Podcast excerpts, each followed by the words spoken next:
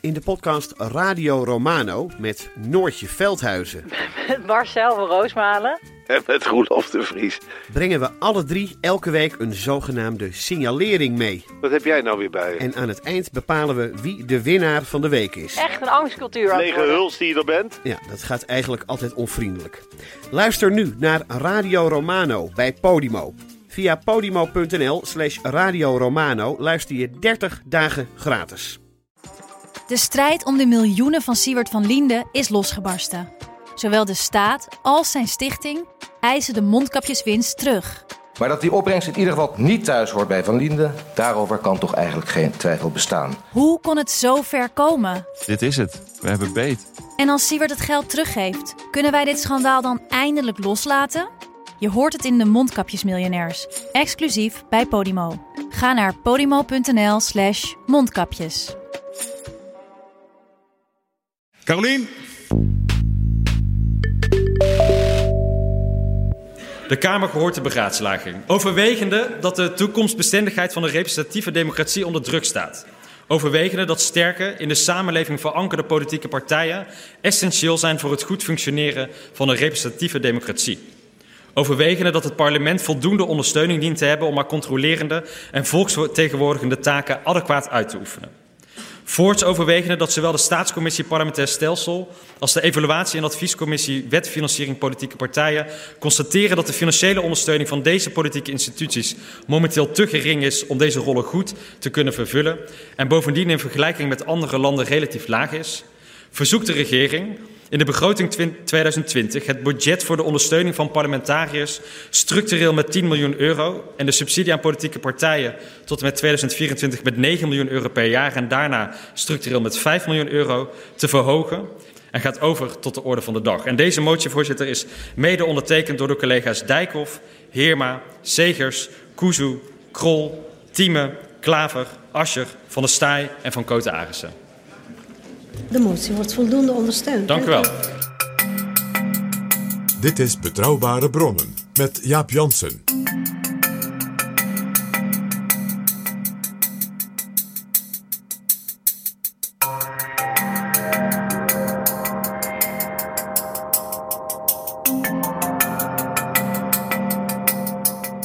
Hallo, welkom in Betrouwbare Bronnen, aflevering 67. En welkom ook PG. Dag Jaap. Waar gaan we het deze keer over hebben, PG? We gaan het hebben over het geheim van Den Haag en Brussel. Het geheim van Den Haag en Brussel. Ja, Dat is? de stille krachten. De mensen die niemand kent en die vaak zeggen dan, en dat is maar goed ook, want dan kan ik mijn werk goed doen. Word eens even wat specifieker. De rechterhanden van de macht. Beroemd artikel van Max van Wezel in Vrij Nederland ooit. En dat ging over medewerkers van bewindslieden, van kamerfracties, van fractieleiders. Dus eigenlijk hun alter ego, hun praatpaal, eh, eh, hun ondersteuner. Soms ook de schouder waar ze even op kunnen leunen. Om soms ook eh, de enige die wordt betaald om nee tegen ze te zeggen. Van dat gaan we niet doen. Of nee, jij zit fout. En daarom zijn dat dus vaak mensen die je niet ziet en niet hoort. En dat zijn vaak de mensen, als je in het Tweede Kamergebouw loopt, eh, die jong zijn, eh, vaak net van hun opleiding af. Het is een van hun eerste volledige banen. Eh, ze zijn ambitieus. Ze zijn natuurlijk ook enthousiast vaak over de partij waar ze bij horen. Ze zijn vaak dus opgevallen doordat ze bijvoorbeeld in de jongerenorganisatie of in een denktankcommissie van het wetenschappelijk bureau of iets dergelijks, eh eh, laat zich eruit schoten. En ook vaak, zeg ik erbij, iets hebben van handig aanpakken weten. Eh, bijna ook logistiek, niet alleen maar intellectueel, maar ook logistiek. Iemand waar je zeg maar, van op aan kan. Ja, en vroeger bij de eh, wat oudere Kamerleden, zij wisten natuurlijk in tegenstelling tot het Kamerlid hoe de computer werkte. Eh, Daar zeg je iets. Daar En hoe de moderne telefoon werkte. Daar zeg je iets. Het zijn dus niet to- toeteraars. Eh, ik, zeg maar, ik zeg maar Jernas, Bregman of twitteraars als Els van de PVV. Het zijn stille mensen vaak. eh, op de achtergrond. Eh, en als je in het wereldje rondloopt, dan kom, som, kom, kom je er soms ineens achter denk je, aha, die vrouw, die man of die jonge man vaak, die jonge vrouw, die is voor die partij, voor die partijleider, voor die minister, voor die Kamerfractie onmisbaar. Je ziet ook wel eens zo iemand, die is dan 23, 24 jaar. En dan denk je, bijvoorbeeld als je een gesprek met een Kamerlid hebt. Eigenlijk weet die medewerker, die weet er veel meer van. En die is misschien ook nog een tikkeltje slimmer dan dat Kamerlid. Ik zal je in de loop van dit gesprek, Jaap, daar uh, een enkele voorbeelden van geven. En één zelfs, uh, uh, laat ik zeggen, midden in de kredietcrisis. Een verhaal over de top van de bank en de financiën met een hele jonge vrouw van een hele kleine fractie. Hou ons in spanning. Jaap Jansen en Pieter Gerrit Kroeger duiken in de politieke geschiedenis. Nou kijk, die, die partijen die hebben natuurlijk niet veel geld. Uh, ons parlement uh, en ook onze politieke partijen worden vergeleken met andere landen natuurlijk echt betreurenswaardig slecht ondersteund. Ik bedoel in financiële zin. Ja, de, de spreekwoordelijke anderhalve man en een paardenkop. Dat, die werken voor de parlementariërs. Bijna letterlijk. Bijna letterlijk. Het feit dat dat personeel heel lang bikkrachten werd genoemd. Dat weet ik nog. Dat... Bewerktuiging, individueel Kamerlid bewerktuiging. Bikkers. Bikkers, dat was de eretitel die die medewerkers uh, elkaar en Niemand weet dat meer, maar het is inderdaad bewerktuiging individueel Kamerlid. Bik. Bikkers. En dat was dus echt, nou ja, niveau stagiair in het MKB. Uh, ook qua beloning. Je, je, begrijpt, hier spreekt iemand uit een, laat zeggen, eigen ervaring en bitterheid over de zeer slechte betaling die er toen was. En je werkt je gelukkig helemaal te pletter, want het was natuurlijk en is natuurlijk fantastisch om als student, als jongere, uh, gewoon ja, in die Tweede Kamer. En, je, en al die mensen lopen daar gewoon in het wild rond. Ja, overigens, dat moet ik wel zeggen over de stagiairs van nu. Die krijgen bijna allemaal bijna niks uh, vergoed. Uh, dus dan was dit misschien een voorloper daarvan. Ja, maar dit waren dus geen stagiairs. Dit, waren natuurlijk echt, uh, dit was gewoon een baan. Ja. Nou goed, in elk geval, waar, waarom is het leuk? Nou, ten eerste, je, het is een bepaald soort mentaliteit die je moet hebben. Zeggen, een 9-to-5 figuur moet wegblijven bij de democratie. Om het maar even heel hard te zeggen. Het is normaal hier helemaal te pletter te werken en dat jarenlang. En dat leuk vinden. Ja. en natuurlijk een ander punt, waarom het voor jonge mensen toch hartstikke leuk is om te doen. Is het is de snelste leercurve die je maar bewijs in je leven kunt hebben. Ja. Want je, je wordt meteen in het diepe gegooid. Want zo'n Kamerlid heeft niet een, een jaar om jou te trainen en hoe je dat moet doen. Uh, je komt binnen en je, letterlijk je eerste dag. Uh, hier is de, de, het wetsvoorstel en volgende week moeten wij een inbreng inleveren. En nou, ga, ga die stukken maar langs en maak maar een voorzet. Oh, ja, als je dat dus leuk vindt en je kunt dat. En het maakt jou ook niet uit bijna op welk terrein. Want dat, ook dat overkomt je. Als, als een fractie je benoemt. Ja, het is leuk als je dus verstand hebt van dat terrein. Dus je daarom benoemen. Maar als jij bijvoorbeeld voor een Kamerlid werkt. Dan hangt het er gewoon een beetje vanaf wat het Kamerlid als portefeuilles krijgt. En ja, dan moet je dan maar weer wirtschaften, om ja. zo te zeggen. En het is extra leuk in een, in een kleine fractie. Bijvoorbeeld, ik weet bij fracties als uh, GroenLinks. Bijvoorbeeld toen ze nog veel kleiner waren. Iemand die daar als medewerker milieu doet. Ja, die, die, die invloed is natuurlijk zo enorm groot. Want je kunt gewoon de speerpunten bedenken en die worden dan nog uitgevoerd door die fractie ook. Ja, uh, het helpt nog meer als het een kleinere fractie is die ook nog in een coalitie zit. Uh, een wat onmachtig geschreeuw uit de oppositie, dat is heel frustrerend. Dat merk je ook wel eens. Uh, ja, als je nu bijvoorbeeld medewerker bij de ChristenUnie bent, dan heb je ook heel veel invloed. Er zit er trouwens eentje op het moment bij de ChristenUnie, die is ook gemeenteraadslid in Den Haag. Dat is Pieter Grinwis. En die wordt ook echt, maar dat merk je ook als je hem bezig ziet, als een groot talent beschouwd. Ja. Dus die gaan we vast nog later als Kamerlid of anderszins tegenkomen. Dat is ook een onderdeel van het soort gesprek waar ik dacht, waar, dat moeten we dus over dit soort jonge mensen hebben. We gaan onze luisteraars ook een paar tips geven. Van let op die vrouw, let op die man. Niemand kent hem of haar. Jij en ik dus wel. En weten bijvoorbeeld uit de partijen, van de ministers, ja, wat ik maar altijd maar noem, het wereldje daar iemand, daar staat een oproepteken achter zijn naam. Er is ook een reden waarom jij dit nu wil bespreken. Want er is onlangs in de Tweede Kamer een motie aangenomen. De motie Rob Jetten. En daarin is uh, uitgesproken dat de Kamer extra medewerkers uh, krijgt. Grofweg één extra medewerker per Kamerlid, dus 150. En dat daar ook een uh, fors bedrag voor wordt uitgetrokken. 10 miljoen. Ja. Die mensen moeten natuurlijk ook nog gehuisvest worden. Is er een, wel een probleempje erbij. Want de Tweede Kamer heeft natuurlijk sowieso al huisvestingsproblemen nu. En in de nabije toekomst ook. Want uh, die hele renovatie die is gebaseerd op precies het aantal vierkante meters wat er, wat er nu is. Ja, ze willen, als je, het, als je het goed leest, willen ze eigenlijk gewoon alles wat er in 19, nou, zeg maar 82 op papier is gezet, zo houden zoals het is. En volgens mij gaat dat niet werken in de 21ste eeuw. En nu met deze motie Jetten nog minder. Ja. Uh, ik vind het, zoals je weet, dat is eerder gebeurd in Betrouwbaar Bron. Ik vind het altijd leuk om bravo en hup Rob Jetten te roepen. Dus dat doe ik nu ook weer.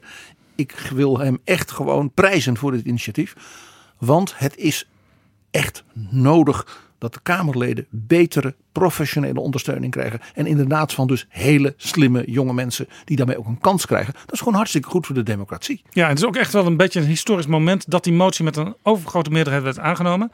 Want meestal is het zo dat als politici over hun eigen omstandigheden praten, dan durven ze er eigenlijk geen prijskaartje aan te hangen. Zie die verbouwing. Ja, want ze denken dus al snel dat mensen gaan roepen zakkenvullers. Terwijl als je Nederlandse parlementariërs en hun bestaffing vergelijkt, je zei het al met eh, allerlei andere parlementen, dan zijn we hier heel karig bedeeld. Ik was ooit eens bij. Uh... Ja, ja, mag ik een voorbeeld geven? Deze jonge mensen, dus die vaak losse medewerkers, een paar per fractie, uh, één of misschien wel anderhalf bij Kamerleden, die zijn met zeg maar, denktanks in en rond uh, het Haagse. En dan de grote polderorganisaties. Hè, denk aan de SER uh, en dergelijke. Dat zijn de enige tegenkrachten tegen die ministeries en die enorme uitvoeringsorganisaties. Het gedoe met de Belastingdienst. Gewoon, één, gewoon even één concreet voorbeeld noemen. Wie zit daar bovenop al jaren? Pieter Omtzigt. Ja. Eén medewerker. Ja. ja. Uh, Renske Leijten of de SP, ook op datzelfde onderwerp, zeer actief. Nou, die heeft ook één medewerker. En dan hebben, hebben CDA en SP misschien ook nog een fractiemedewerker die een stukje van zijn tijd ja, en het daarvoor is niet, ondersteunt. Uh, die Belastingdienst is ook niet het enige onderwerp van Pieter Omtzigt en van Renske Leijten. Die doen nog 8, 9, 10 andere onderwerpen die ook heel belangrijk zijn. En waarmee ze ook heel vaak belangrijke debatten voeren. Maar ik bedoel gewoon dit ene onderwerp. Het gaat niet zozeer dat het Kamerlid hard werkt. Maar het feit dus dat hier dus in dat, dat gigantische vraagstuk en waar we dus al jaren gewoon zien dat die zaak zakt volstrekt door zijn hoeven. ook die organisatie van binnen, zo merken we dus nu. En de, de enige die daar als het ware echt bovenop zit, als tegenkracht, ook namens de bevolking, namens de burgers, is zijn dus 1, 2, 3 Kamerleden. Ja, die dan allemaal misschien ook nog misschien wel een medewerker hebben die een deel van haar of zijn tijd daaraan kan besteden. Dat is slecht voor de democratie. En daarom nog een keer bravo Rob Jetten. Ja, en misschien dan ook nog even een, een extra kanttekening vanuit mijn professie, de journalistiek. Kamerleden moeten het ook heel vaak nog hebben van uh, hulp uit de journalistiek. Journalisten die door onderzoek dingen ontdekken, die door WOP-procedures aan te spannen, uh, dingen boven water krijgen die eigenlijk uh, ambtenaren en ministeries liever onder de pet houden. Precies, toegedekt willen houden. En in die zin is ook het werk van journalisten, daar hebben we het nu niet over, dat kunnen we een andere keer doen, is een beetje vergelijkbaar met die medewerkers. Journalisten werken ook altijd, die, ja, die werken altijd, altijd. Dus de telefoon die staat nooit stil. Uh, het nieuws houdt nooit op. Dat is hetzelfde als de politiek en zeker ook zoals die jonge medewerkers het doen. Met dit grote verschil dat de jonge medewerkers er ook staan voor hun zaak. Hun partij, hun ide idealen van die partij en ook de mensen van die partij die zij dus willen helpen scoren. En dat is natuurlijk het verschil met journalisten. Ja.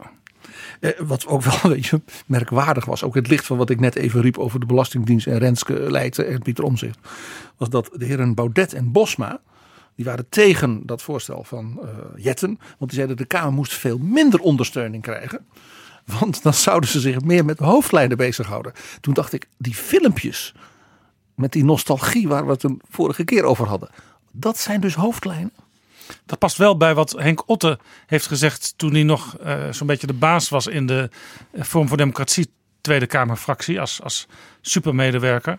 Hij zei, ja, wij zijn eigenlijk een, geen, geen, geen politieke partij, maar een mediabedrijf. Dus die filmpjes die zijn ongeveer de helft van wat ze doen. Aha, dus Thierry Baudet volgt de lijn Otten. Dat is wel interessant ja, om te noteren. Ja. Laten we trouwens even naar Baudet luisteren, want uh, anderhalve week geleden was er een uh, vergadering in de Tweede Kamer over de uitvoering van die motie Jetten. Van uh, hoe gaan we dat doen? Wat moet er met dat geld gebeuren? Hoe gaan we dat invullen? En toen kwam op een bepaald moment Thierry Baudet aan het woord. De heer Baudet. Dank u wel. Heel kort, twee minuten. Uh, 99 professoren, Vaterland, du bist verloren. Dat is het gevoel wat ik vaak heb hier in de Kamer.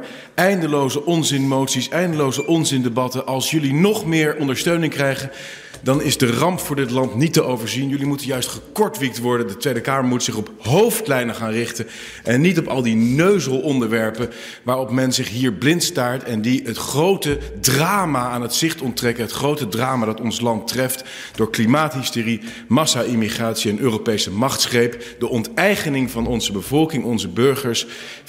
Die voltrekt zich onder onze ogen. Maar ziende blind houdt het, het Kamerlid zich bezig met eindeloze neuzeldebatten. En als er nog meer ondersteuning komt, dan zal dat nog erger worden. Dus hier moeten we echt tegen zijn. Dit is een groot gevaar. Thierry Baudet, PG, je weet niet wat je hoort.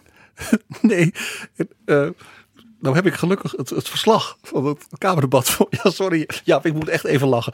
Het Kamerdebat, het verslag voor mij. En toen kwam er een interruptie van de heer Usturk van Denk. En uh, ik vind het ook leuk om de heer Usturk even een complimentje te geven voor deze interruptie. Want die zei toen tegen de heer Baudet het volgende. Ik dacht dat uw partij, u zelf, 9000 euro gemeenschapsgeld aan wat planten had uitgegeven. En een collega van u had wijn geschonken aan die planten, waardoor die planten niet meer bestaan.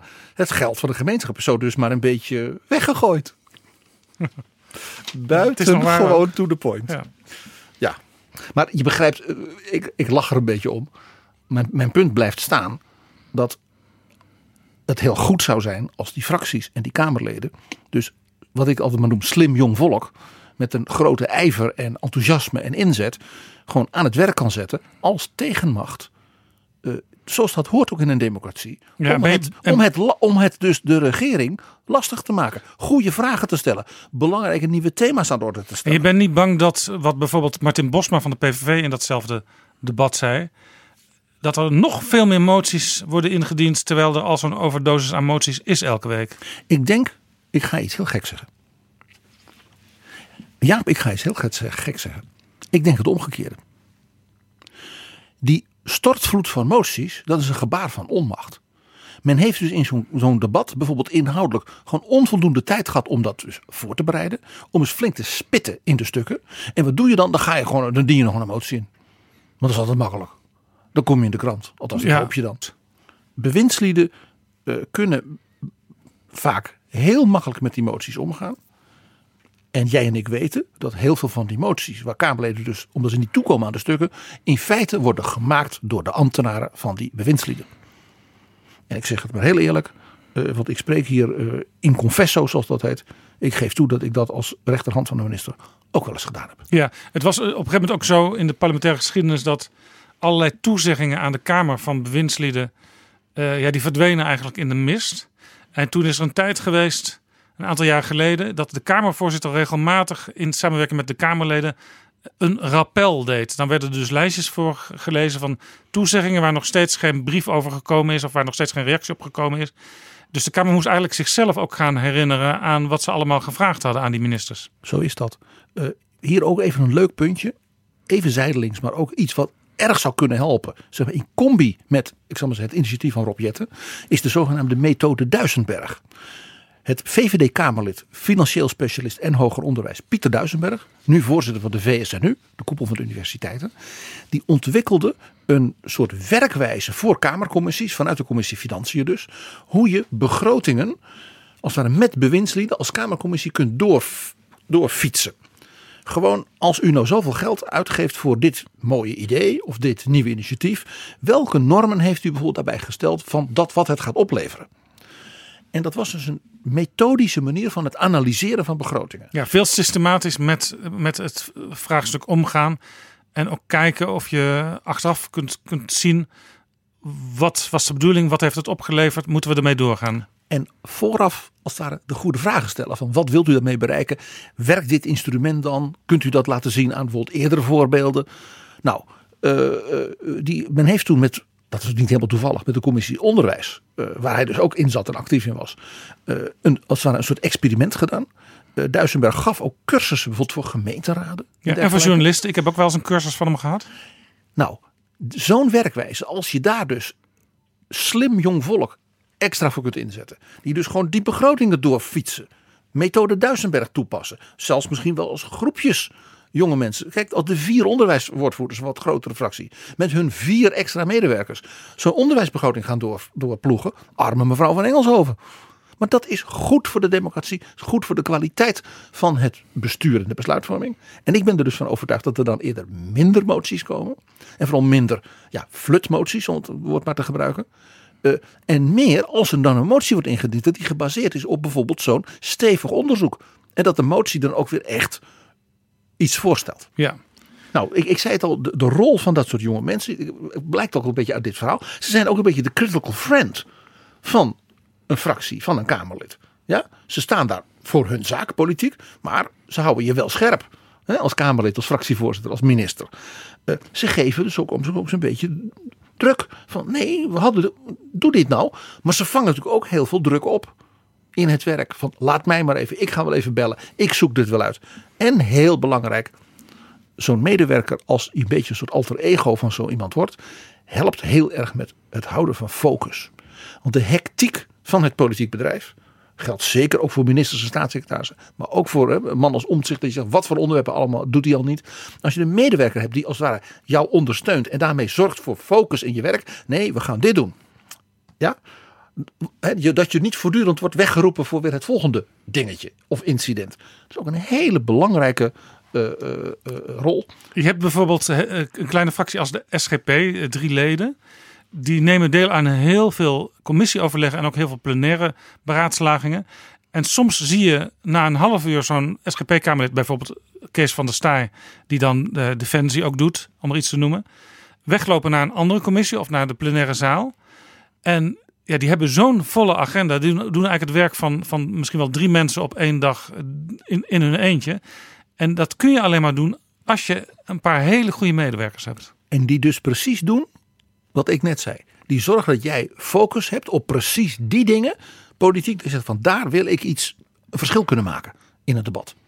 Ja. Je zult altijd moeten kiezen. En de kunst is dan, en daarom dat ik zei, dat soort medewerkers als dat alter ego zijn ook je critical friend. Uh, uh, dat zeggen van, is dit nu wat we moeten doen? Het is een beetje alsof je op meerdere tennisbanen eh, tegelijk speelt op een middag. En dan moet je iemand hebben die jou het juiste racket aanreikt en zorgt dat je voldoende ballen hebt. Het is simultaan schaken. Nou, wat ook nog een belangrijke rol is, zeker omdat het jonge mensen zijn, ze kunnen voor een fractie, een bewindspersoon, een partij ook nieuwe ideeën opsnuiven, noem ik maar. Ze zijn ook een beetje de zeeverkenners. Wat komt eraan? Wat speelt er bijvoorbeeld bij de jongere partij eh, in andere landen waar je contact mee hebt? Buitengewoon interessant. Wat je, wat je oppikt bij de jonge socialisten in Frankrijk, bij de jonge Union ja, eh, in Duitsland. Een Kamerlid komt daar vaak niet aan toe. Nee. Wat speelt er bij studenten? Wat zijn in de studentendebatten interessante thema's die opkomen? Uh, ook dus een beetje nieuwe thema's. Daar ook een beetje een soort meedenker en wat ik noem verkenner van zijn. Ja, en ze praten ook uh, met de collega's van andere fracties hè? en ook met ambtenaren van ministeries soms. Uh, zeker als je daar als Kamerlid niet allemaal aan toekomt, voordat dat grote debat morgenochtend om kwart over tien plaatsvindt, dan is het fijn als al veel van het voorwerk gedaan is. De informele kant van dat alter ego zijn is zo'n geheim van het geheim van Den Haag en Brussel. Zeker ook in Brussel, waar het natuurlijk ook nog speelt, daar gaan we ook nog straks wel even over hebben, dat daar dus verschillende landen en verschillende politieke culturen met elkaar dit moeten doen. Dat vereist als het ware nog weer een soort extra talent en misschien ook wel politieke sensitiviteit om daarmee om te kunnen gaan. Ja, het is dus zeker ook aan te bevelen als je nu een jonge medewerker bent, om ook de internationale contacten nu al te hebben. Want dat kan je later helpen als je Europarlementariër of minister-president bent. Zo is dat maar net. En dat is ook een heel belangrijke rol. Uh, ook gewoon af en toe er zijn voor logistiek. Voor een reminder. Voor oh, ik vergeet dit. Of, oh, ja, ik ben, nou ja, uh, waar is mijn telefoon? Ja, het klinkt heel bazaal. Soms zelfs het, het simpele, uh, ik heb alvast een bloemetje gekocht wat je straks aan die en die kan geven. Die rol, vandaar dat ik de term alter ego gebruik als het goed gaat. En dus ook uh, hè, soms crisismanagement. Heel Nederland kent natuurlijk de beroemdste assistent van een bewindspersoon uit het crisismanagement. Jaap. Ik denk dat je doelt op minister-president Mark Rutte van de VVD. Die deed een uh, verkiezingsdebat uh, een halfjaartje geleden. En die kwam er niet meer uit. Die liep vast in zijn redenering. Dat draaide maar rond. En toen riep hij op een gegeven moment in armoede. Laten we even luisteren. Dat is het eerste voorbeeld. Het tweede voorbeeld wat ik bij u zie is dat u in toenemende mate zegt: kijk, naast elkaar staan of tegenover elkaar staan, dat is allemaal tot je dienst. Maar uiteindelijk, ik moet even, waar was die tweede voorbeeld? Carolien? Serieus? Ben het kwijt? Zullen we het anders eerst even over het eerste voorbeeld hebben? Eerst eerst voorbeeld voor onderwijs en daarna kom ik op het tweede. Ja, precies. Meneer Ascher. Carolien! Carolien, dat is Carolien Hermans, zijn assistente. Dochter trouwens van uh, oud-minister, oud-Tweede Kamerlid, oud-Eerste Kamerlid, oud-commissaris van de Koningin, oud-burgemeester, oud alles. alles. Loek Hermans. En de zus van een vorige medewerker. Sophie van Hermans, Rutte. die inmiddels in de Tweede Kamer zit voor de VVD. It's all in the family in de VVD. Carolien, dat is dus zeg maar het archetype van de politiek assistent, zou je kunnen zeggen, sinds, sinds een half jaar. Ja, en ook heel leuk, dus dat, vandaar dat ik die opmerking ook maakte. Zulke mensen zijn, hè, dus dat alter ego, dus crisismanagement. Als je het echt niet meer weet, dan roep je Carolien. Carolien! En die zit dan voor zo'n premier, maar ook voor een Kamerlid, altijd op gehoorafstand. Dus die is er meteen en die heeft meteen ook het juiste papiertje meegenomen. Of weet meteen waar ze het op moet zoeken of wie ze moet bellen. Ik gebruik niet voor niks de term alter ego. Het is een soort zesde zintuig dat zo iemand heeft voor dat je precies er bent voor die persoon op de plek wanneer je nodig bent en waar je moet. Zullen wij eens nader gaan kijken naar die Caroliens? Ja, wie zijn de Caroliens? Uh, ik heb drie blokjes dat, uh, voor de luisteraars. Uiteraard, uh, ik begin met de politieke geschiedenis. Caroliens uit de geschiedenis. Dan een, een soort overzicht van, zeg maar, in de voorbije jaren. Caroliens waarvan je denkt van, maar die ken ik als minister die en die. Of als een hele belangrijke vrouw of man, dat en dat. Hoe is die zo'n Carolien geweest? En waar dan en hoe? Daar zitten heel verrassende uh, uh, observaties en dingen bij. En dan natuurlijk, iedereen wil natuurlijk weten, wie zijn nou de Caroliens? Ja, de collega's van Carolien. De, nu. Oh, hè, wat ik zei, niemand weet wie ze zijn. Tot dan een keer hè, Mark Rutte ineens Carolien roept. En daar zitten hele interessante mensen bij. Ja, het, het zijn vaak ook de mensen die uh, op de foto naast de minister lopen als die van debat naar debat zich spoedt. En dat zijn ook me meestal mensen met tassen en jassen uh, in de hand. Dat logistieke ook, dat in die zin ook dienend. Het woord tassendrager is er niet voor niets. Nee. Alleen het, het is een beetje smalend, maar zo hoef je het niet te verstaan. Het is ook soms zo. Dat verschilt een beetje per minister, per, per politiek leider. Dat is soms zo'n rechterhand inderdaad. Die gaan er ook vrij snel weg. Uh, maar inderdaad, die, die, die combinatie van dienstbaarheid uh, en wat ik noem critical friends zijn. Dat is, natuurlijk, dat, is, ja, dat is dat geheim, hè? dat is dat alter ego-achtige. Mag je één voorbeeld geven? Uh, je weet, ik was vrij lang de rechterhand van Wim Deetman in de tijd staatssecretaris en ja. minister van Onderwijs was. Toen had ik een buitengewoon slimme, doorgewinterd ervaren collega. Die was de directeur voorlichting. Zijn, bij, zijn beroemde bijnaam was de survivor, Richard Matthijssen. Ik denk dat jij onmiddellijk hem Zeker, die ken ik. Ja, Richard Matthijssen die gaf mij een geweldige les als jong, jonge jongen. Die zei, de minister, dat weet ik, dat had hij gemerkt. Die wil als hij een interview geeft aan de televisie of dergelijke, die wil jou kunnen zien. Ik sprak met mijn ogen, dan hadden we hele conversaties met hem. Terwijl hij sprak, dan zei van, nu ga je dat op. En dan wist hij, aan mijn blik kon hij zien, dat nu dit benadrukken. Dat heb je dat alter ego achter. Ja. En wat zei Richard Matthijssen? Die media vinden dat prachtig. En die willen jou dus... Die gaan natuurlijk tussenshots doen van Juist. die assistent. Juist. Juist. En Richard Matthijssen was... En liefst nog over de schouder van de minister gefilmd. Zodat je ziet hoe die relatie is. En Richard Matthijssen was dus een, zoals ik al zei, een doorgewinterde, ook wel een beetje een boef. Een leuke boef. Maar die, die was daar als topambtenaar voor zijn minister. En die zei, die gaf mij dus een les. Die zei, wat jij gaat doen, de minister kan jij zien. Jij gaat altijd naast die jongen staan met de camera. Want cameramannen en vrouwen die filmen elkaar nooit in principe. Dus dan kom je niet in beeld. Dan sta je er net buiten, net buiten de zichtlijn. Van de andere, van de andere media. Maar de minister die geïnterviewd wordt, die kan jou zien. Kijk, dat, is, dat vond ik dus een, is een. Ik vertel deze anekdote bewust, omdat hij dus begreep aan de ene kant het, het aparte van die relatie van een minister met zijn rechterhand. En tegelijkertijd dat element van niemand ziet ze. En dat maakt ze dus effectief. Ik heb wel eens een. eh, Ze zitten daar niet als een soort wethouder hacking, om het maar even onaardig te zeggen, om zelf voortdurend in beeld te zijn. Ik zie wel eens een, een assistent eh, juist achter het Kamerlid of de minister in beeld zitten bij een talkshow. Dan denk ik, die heeft het nog niet helemaal door. Nou, die heeft in elk geval geen bijles gehad van Richard Matthijssen. Dit is Betrouwbare Bronnen, een podcast met betrouwbare bronnen.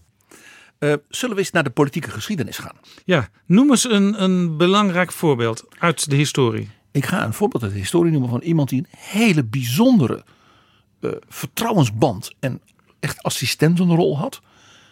En toen iets deed waar we het eerder over hadden.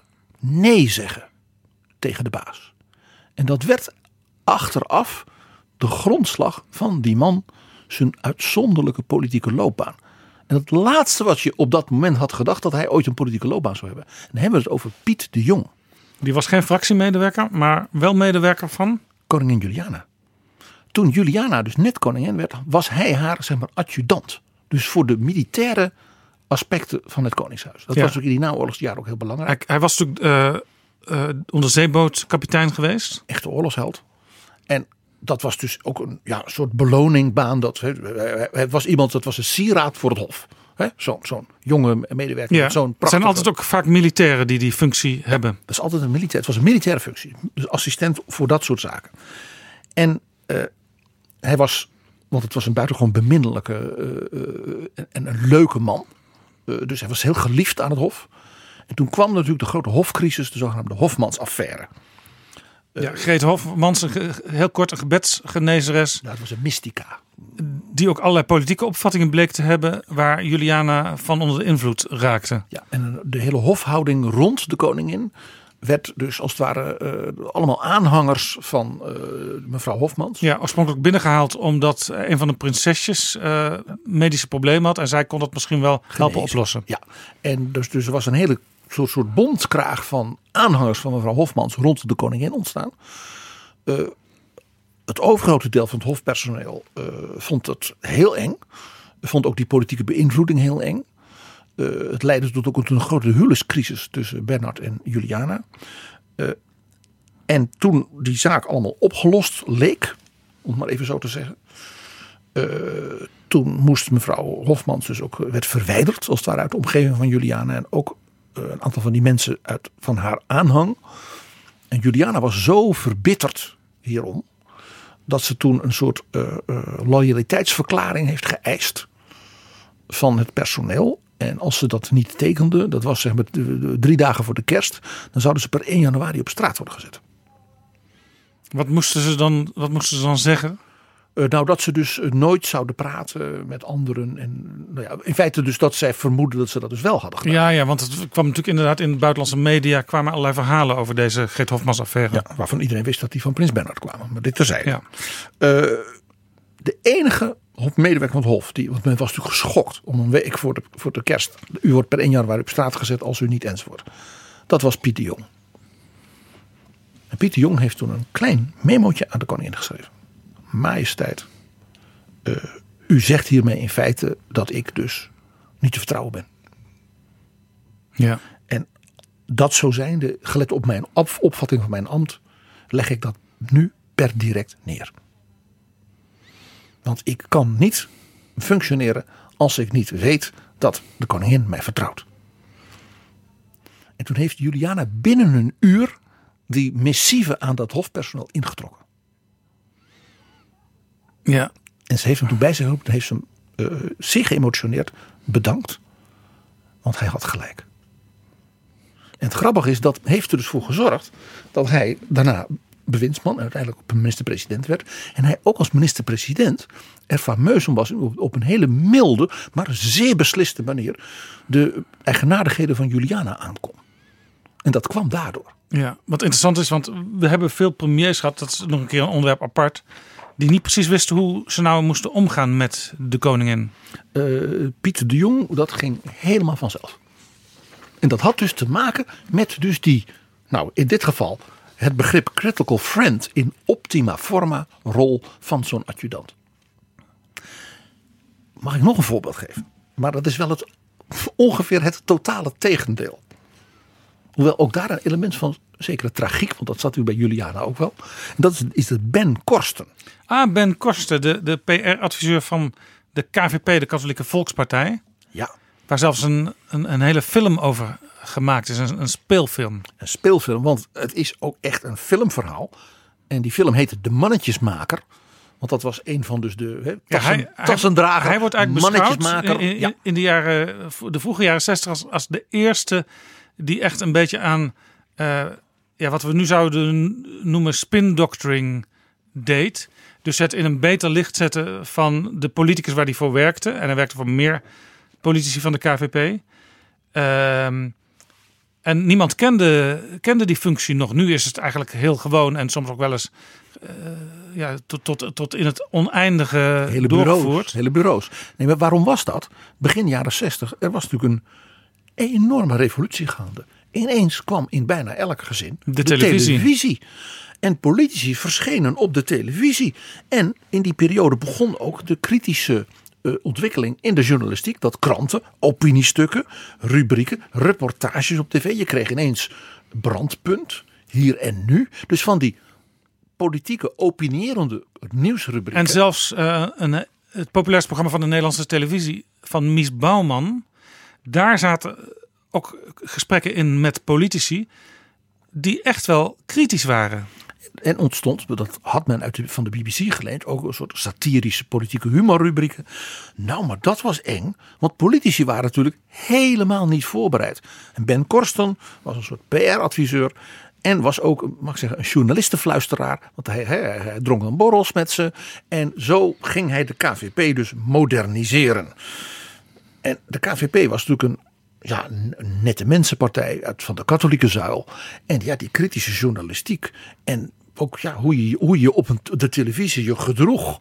Ja, hoe je moest zitten. Hoe je, dat je dus geen uh, ingewikkelde, al te ingewikkelde taal gebruikte. Dat had men helemaal nooit geleerd. En Ben Korsten was dus de man die dat deed. Nou, uh, bij de Partij van de Arbeid had je bijvoorbeeld Ruud Koster. Dat was iemand die onder andere ook met Ed van Tijn, die in dat opzet ook een echte vooroploper was, dat in de PvdA deed en met aanzienlijk meer succes uh, dan Ben Korsten. Uh, ben Korsten mislukte namelijk helemaal. Uh, de KVP was ten eerste erg naïef in dit soort dingen. ook cultureel naïef. Men, het was echt die binnenwereld van katholiek Nederland. Hè, die buitenwereld die zo, zich zo snel vernieuwde begin jaren 60. Daar hadden ze geen gevoel voor. En Ben Korsten bleek ja, tragisch in zijn privéleven te zijn. Ja, ik weet ook dat hij uit de film... Uh, daar, dus dat, daarom is het natuurlijk ook echt veel van film geschikt. Uh, er werden ook drugs gebruikt. Ja, hij was verslaafd. Uh, er werd ook over iemand als minister Colompe gesproken als Mamalou. Ja, ja, ja. En nou, hij bleek dus een ernstig, ernstig verslavingsprobleem te hebben. En waarschijnlijk werd hij dus ook zwaar gechanteerd.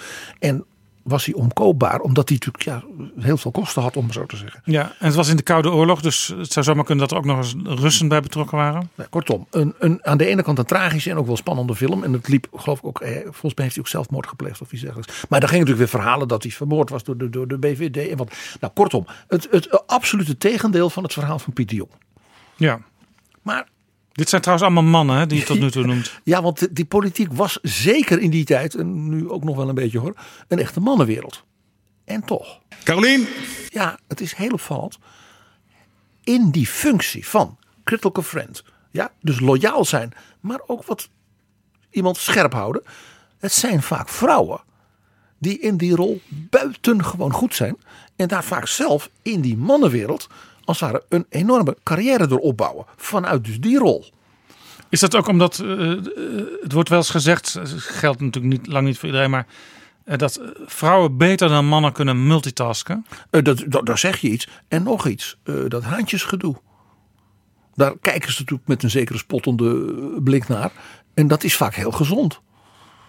En mijn indruk, maar daar ben ik voorzichtig, dat vrouwen in die rol vaak wat meer ook uit eigen ervaring zal ik maar zeggen, uh, uh, wat meer lange termijn denkers zijn. Minder uh, heigerig op incidenten van, oh ja, dat zal wel. Maar dit was de bedoeling. Dus dat punt wat ik eerder noemde, het is iemand die zo iemand helpt de focus te houden. Dat is iets waar dus die vrouwelijke, de Caroliens, vaak echt goed in zijn. Ja, en ook een zekere rust kunnen bewaren in momenten van crisis. Ja, dat, dat haantjesgedoe, het heigerige, uh, inderdaad. inderdaad. Ik ga drie voorbeelden geven van vrouwen die op die manier, zeg maar, naar de top en dan hebben we het echt over de top van de top zijn gekomen. En de eerste denk je, nou zegt PG natuurlijk, oh Angela Merkel. Nee, die slaan we nou dit keer over. Al geldt het 100% natuurlijk wel voor haar. Ja. Ik noem iemand anders. Ursula von der Leyen. Ursula, de, de nieuwe voorzitter van de Europese Commissie, die afgelopen week door, de, door het Europees Parlement is goedgekeurd met haar commissie. Met een hele grote overmacht aan stemmen. 450 stemmen voor, zoiets. Opmerkelijk, want het heeft even geduurd voordat die commissie compleet was. En voordat iedereen zich erbij neerlegde dat het niet een van de grote kandidaten uit de verkiezingscampagne is geworden, maar een, een soort van compromiskandidaat. Maar deze Ursula von der Leyen, die is dus ook als assistent begonnen. Ja, en zelfs heel bijzonder. Ursula von der Leyen heeft de politiek met de pap paplepel binnen, binnengekregen. Van huis uit? Ja. Zij was al heel jong de steunpilaar, de, ja, de, de, de, de, assistent van haar vader. Dat was Ernst Albrecht. Wie is Ernst Albrecht? Ernst Albrecht, dat, is geen bekende naam in Nederland. Dat was. Ik ken Juri Albrecht. Ja, dat. Van de Bali. Ja, maar dat is geen CDU-man. Uh, Ernst Albrecht was een jonge, uh, dynamische, charismatische politicus van de CDU in de deelstaat Niedersachsen hoofdstad Hannover. En dat was een echte rode deelstaat. Volkswagenfabrieken, eh, veel industrie. SPD aan de macht. SPD, SPD. Uh, Gerhard Schreuder is premier geweest van Niedersachsen. Nou, is het helder.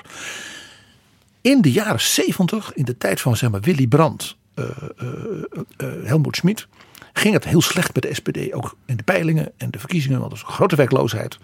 Er uh, was natuurlijk veel links terrorisme in, in Duitsland. Men was, de bevolking was zeer bezorgd. Het ging dus gewoon slecht. En Ernst Albrecht slaagde tot ieders verrassing. Ik zal maar zeggen een beetje tegen de peilingen in. De verkiezingen te winnen in Niedersachsen. En werd dus de eerste CDU-premier denk ik van na de oorlog. Opmerkelijk. Zeer opmerkelijk. Een jonge vent. Uh, en werd toen uh, voorgedragen door Helmut Kool. Dat was de partijvoorzitter toen van de CDU. In heel Duitsland? In heel Duitsland. Heel West-Duitsland toen? Ja, was zelf minister-president in het kleine Rijnland-Pfalz, uh, hoofdstad Mainz. Uh, en daarna zeg maar, fractieleider in de Tweede Kamer, in de Bundestag. En daarna was hij natuurlijk fractieleider in de Bundestag. En had in 76 de verkiezingen verloren tegen Helmut Schmidt. Ah ja. Nipt. Uh, had meer dan 48% van de stemmen, maar op twee, drie zetels nou net niet gehaald. En hij zocht naar een ja, nieuw gezicht voor de CDU. Ja, dat zou hij dus niet zelf zijn. Dan hij, was bereid, hij was bereid ook daar als we daar zeggen van ik moet als partijvoorzitter het belang van de partij denken. En die heeft toen Ernst Albrecht naar voren gedragen als kanselierskandidaat voor 1980. Juist ook omdat hij zo succesvol was geweest in zijn, in zijn eigen deelstaat. En hij was met het noord, noord, noordelijke deel van de Bondsrepubliek. Dus in die noordelijke deelstaten waar de CDU altijd wat zwakker is. Uh, in het zuiden, de Rijnland-Pfalz, Baden-Württemberg en natuurlijk het Beieren ja, van de, de CSU. CSU. Daar waren ze heel sterk. En hij zei we moeten winnen dus in de middengroepen. In dat midden- en noordelijke deel van Duitsland. Daar zit onze winst. Dus een wat progressieve, uh, moderne, jonge, charismatische uh, premier van Niedersachsen ja, dat is een asset. Ja. Nou, jij denkt, uh, dat een briljante set. Ja. Helmoet Kool, dat is dus helemaal niet doorgegaan. Nee, want daar hebben we, althans ik niet meer van gehoord. Nee, want de CSU, die zei, ja, maar die Helmoet Kool heeft de vorige keer uh, die verkiezingen verloren. En nu zijn wij aan de beurt. En de grote leider van de CSU, Frans Jozef Strauss. Oh, natuurlijk. Ja. Die was op het leeftijd, die dacht, ik kan het nu nog doen. En die heeft toen doorgezet met steun van de rechtervleugel in de CDU. Want die vonden die Ernst Albrecht te jong en te licht en te vooruitstrevend. En toen hebben ze dus Frans Josef Strauss kanslerkandidaat gemaakt van de Union tegen Helmut Schmidt. En de beroemde, en dan stop ik weer hier over dit verhaal. Het beroemde verhaal is dat de partijsecretaris van de CDU toen zei we gaan een enorm verkiezingsfonds. We hebben al 10 miljoen D-mark. Met grote hallen en posters en films en eh, spotjes. En die zei, dat wordt natuurlijk helemaal niks met Strauss.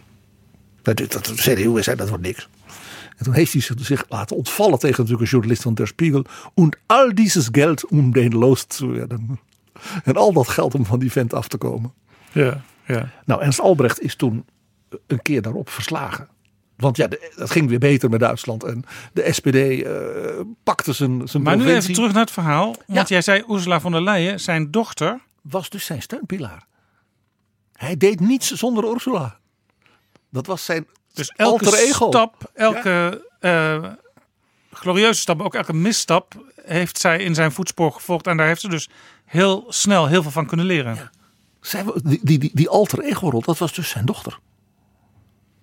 Een beetje, een beetje ook Carolien, de dochter van Lou Hermans. Ja? Dat is zo'n dochter die als die slim is en toegewijd. En, ja, dan is dat natuurlijk een hele sterke band. Zoals Hanja Mai, Europarlementariër voor het CDA, ook twee dochters had, waarvan de een voor haar werkte. Maar die zijn allebei eh, ook succesvol geworden in de politiek later.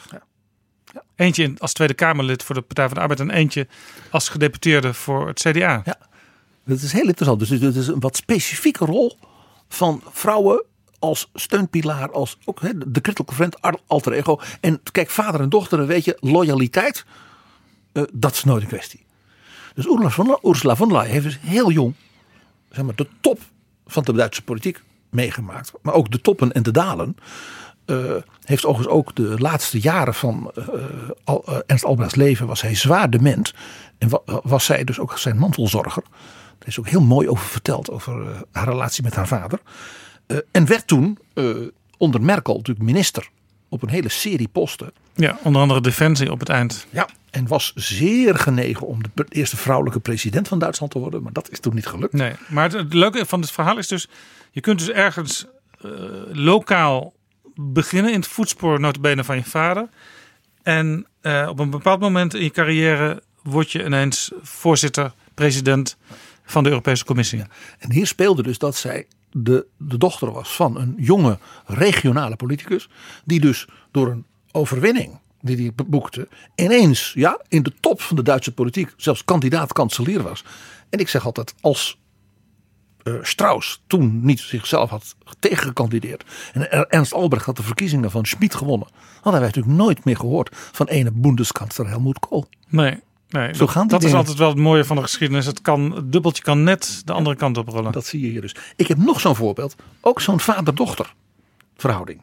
Nancy Pelosi. Oh ja, Nancy Pelosi. Haar vader was de burgemeester van Baltimore. Nancy Pelosi nu natuurlijk de leider, de voorzitter van het Huis van Afgevaardigden. De speaker.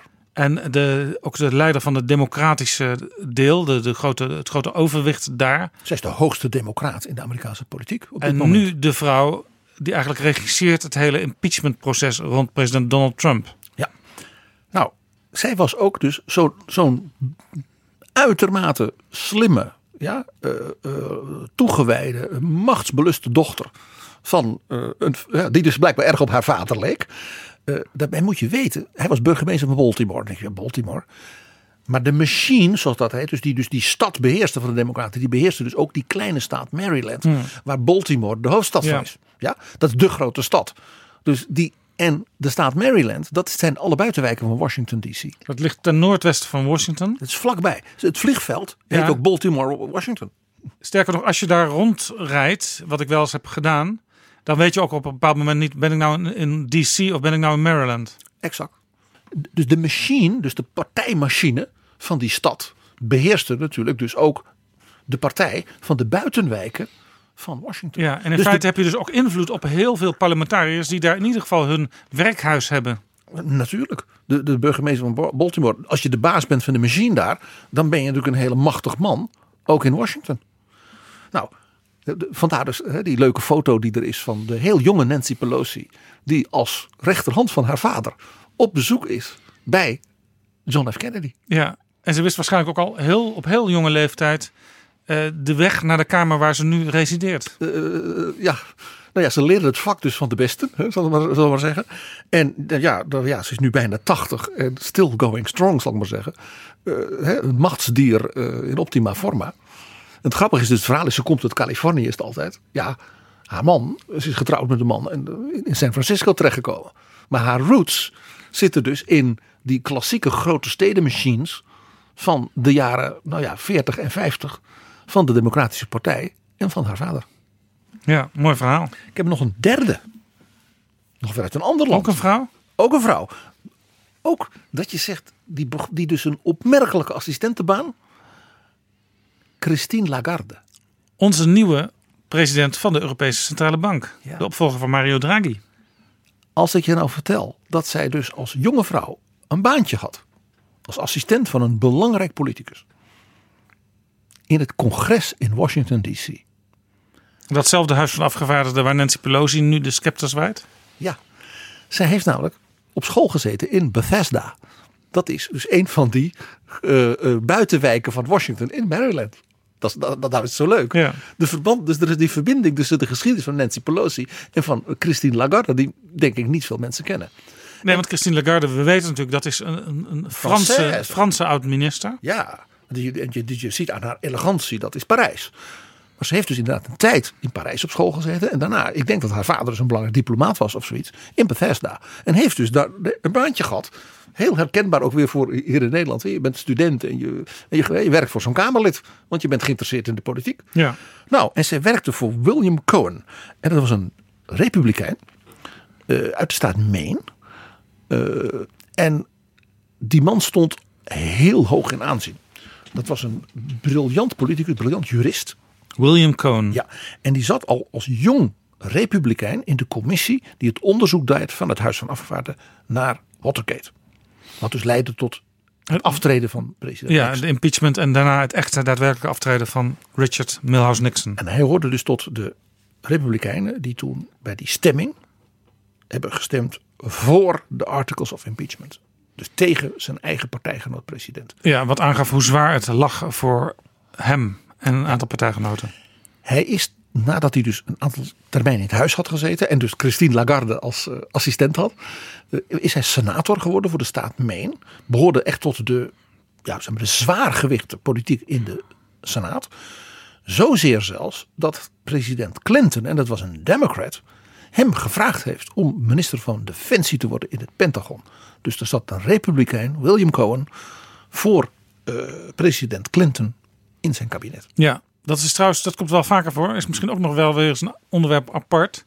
Dat, je, dat een grote partij toch één iemand van de andere partij ook even in de regering opneemt. En dat is dan vaak iemand van het type William Cohen, die dus zeg maar bipartisan, zoals dat heet, een grote eh, ja, eh, aanzien eh, heeft vanwege zijn, eh, nou zijn hoge bestuurlijke kwaliteiten, zijn integriteit. En bijvoorbeeld in, bij Defensie iemand die dus echt de grote strategische vragen van, eh, van een wereldmacht als Amerika snapt. Ja. Carolien? Hebben we in Nederland ook zulke vrouwen? Eh, ja, ja. Met, die, die ook zo'n zo'n loopbaan hebben dat je denkt. Ja, de hey. functies, functies zijn misschien niet helemaal te vergelijken. Ursula von der Leyen, Nancy Pelosi, Christine Lagarde, wat die nu inmiddels doen. Dat is natuurlijk van een, een- alle drie natuurlijk van een uitzonderlijke kwaliteit. Maar dat type vrouw eh, kennen wij in Nederland ook. Mag ik eens een voorbeeld geven? Annelou van Egmond. Annelou van Egmond. Ja. Dat is ehm, iemand die in D66 altijd wel op de achtergrond actief is als het gaat om campagnes. Ze heeft nu een hele belangrijke functie in, Europa. Ja. Waar ze in het bestuur zit van wat eerst de ALDE werd genoemd, hè, de, de, de liberalen. Heet nog steeds ALDE hoor. Die, die partij heet nog steeds Ja, ALDE. dat is waar. En die werken inmiddels samen met de partij van Macron. En daarom heet de fractie in het Europees Parlement heet niet En Marche, maar eh, Renew Europe. Ja. Daar is zij dus bij betrokken. En wat heel interessant is, zij is ooit begonnen, helemaal niet in D66, maar in de jaren 90 liep zij al rond op het Binnenhof voor het Algemeen Ouderenverbond. Dat was toen De voorloper van Henk Rol. ja, dat was toen een partij die zelfs eh, groter was dan die van Henk Krol nu. Eh, want er kwamen ineens heel veel ouderen het parlement in. En zij was daar, zeg maar, de voorlichter van. En zij heeft eh, ja, zoveel politiek talent en vernuft. En ook dus die rol van ja, critical friend, alter ego. dat ze. Eh, ik ken haar bijvoorbeeld als eh, troubleshooter, crisismanager. bij eh, organisaties als de Universiteit van Amsterdam. Ja, want de VSNU. ze- ze- Je kunt haar inhuren. Hè? Als je een tijd een voorlichter zoekt. Ik weet ook wel eens, ik heb- kom haar ook wel eens op ministeries tegen. Dan is bijvoorbeeld het, de directeur voorlichting is weg en er moet een nieuwe komen. Maar dat duurt wel een maand of vier voordat er een nieuwe is. Dan kan zij dat tijdelijk doen. En vaak in die tijd eh, lost ze ook nog wel wat andere problemen op. Ja, om je een idee te geven dat eh, hè, ze is dus D66, ook, is ook echt. Ja, ze is ook heel belangrijk bij die Europese liberale club. Maar dat is ze in zo'n functie niet. Nee, dan is ze zo professioneel dat eh, toen Lodewijk Asscher vicepremier werd van het kabinet Rutte 2, hij natuurlijk als Amsterdamse wethouder, laat het er maar niet omheen draaien, dat hele Den Haag niet kende of Nee. snapte. En wel voor de PvdA natuurlijk een heel moeilijk en groot en zwaar ministerie had. Wie werd dus het eerste half jaar eigenlijk als zijn, nou ja, alter ego, maar eigenlijk misschien ook als coach neergezet? Anneloe van Egmond. Een D66-dame puur zang. Opmerkelijk. Ja, dus typisch iemand die ook in die rol dus een enorme carrière, maar altijd wat onzichtbaarder. Ja, en ook, eh, eh, ze heeft ook Pechtold geholpen bij zijn opkomst in Den Haag. En juist ook door op verschillende niveaus, eh, dus voor een partij, voor ministeries, maar ook voor mensen van verschillende partijen te werken, krijg je natuurlijk ook heel veel inzicht in menselijke en politieke verhoudingen. Ik ga één hele kleine anekdote vertellen. Jij was daarbij bij het afscheid van Alexander Pechtold van de Tweede Kamer. Ja. Een enorme hoeveelheid mensen. In de oude hele- zaal van de Ja, Tweede Kamer werd dat georganiseerd. Enorm veel mensen. Iedereen kwam langs, de minister-president, de Kamervoorzitter, ministers, Leuke- collega, fractievoorzitters. Leuke speech van Mark Rutte. En Anneloe van Egmond stond een beetje aan de zijkant. En je, en- De natuurlijke plek van zo iemand. En je zag haar met haar ogen het allemaal regisseren. En op een bepaald moment stond er ineens een jonge, een jonge man naast haar. En die kreeg van haar enkele papiertjes in zijn handen. Die stak hij in de binnenkant van zijn zak. En dat was Rob Jetten. En dat was de speech die hij als laatste, hè, dus dat is de nieuwe leider van deze. Ja, die net een, een week of spreken. de nieuwe leider, opvolger van Pechtold dus was. Die kreeg van haar dus die speech. Voor hij het toneel opliep. En toen dacht ik, kijk, dat is helder.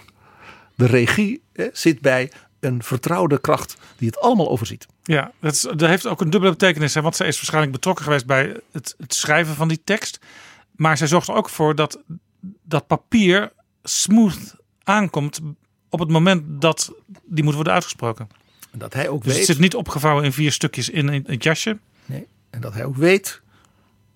Dat als hij die speech krijgt, dat er niet op het laatste moment ineens weer een of andere losse voorlichter zegt: Oh ja, we hebben nog een dingetje. Nee, het zit bij haar. En daar zit het. Vond, ik vond dat beeld toen. eh, ja, dat, dat vond ik erg mooi. Het is bijna een film, PG, zoals je het vertelt. Ik vond het, ik vond het echt mooi. Mag ik een ander voorbeeld geven? En dat is misschien qua loopbaan nog. Lijkt het nog wat meer op, ik zal maar Ursula, Nancy en Christine. En dat is Gerdy Verbeet. Oh ja, Gerdy Verbeet. Die was een assistent bij de Partij van de Arbeid. Ja, Werd de rechterhand van Ad Melkert eh, in de PvdA. Eh, dan eh, moet je stevig in je schoenen staan. Nou, dat bleek ze ook te zijn. Werd zelf Kamerlid. Werd uiteindelijk zelf Kamervoorzitter.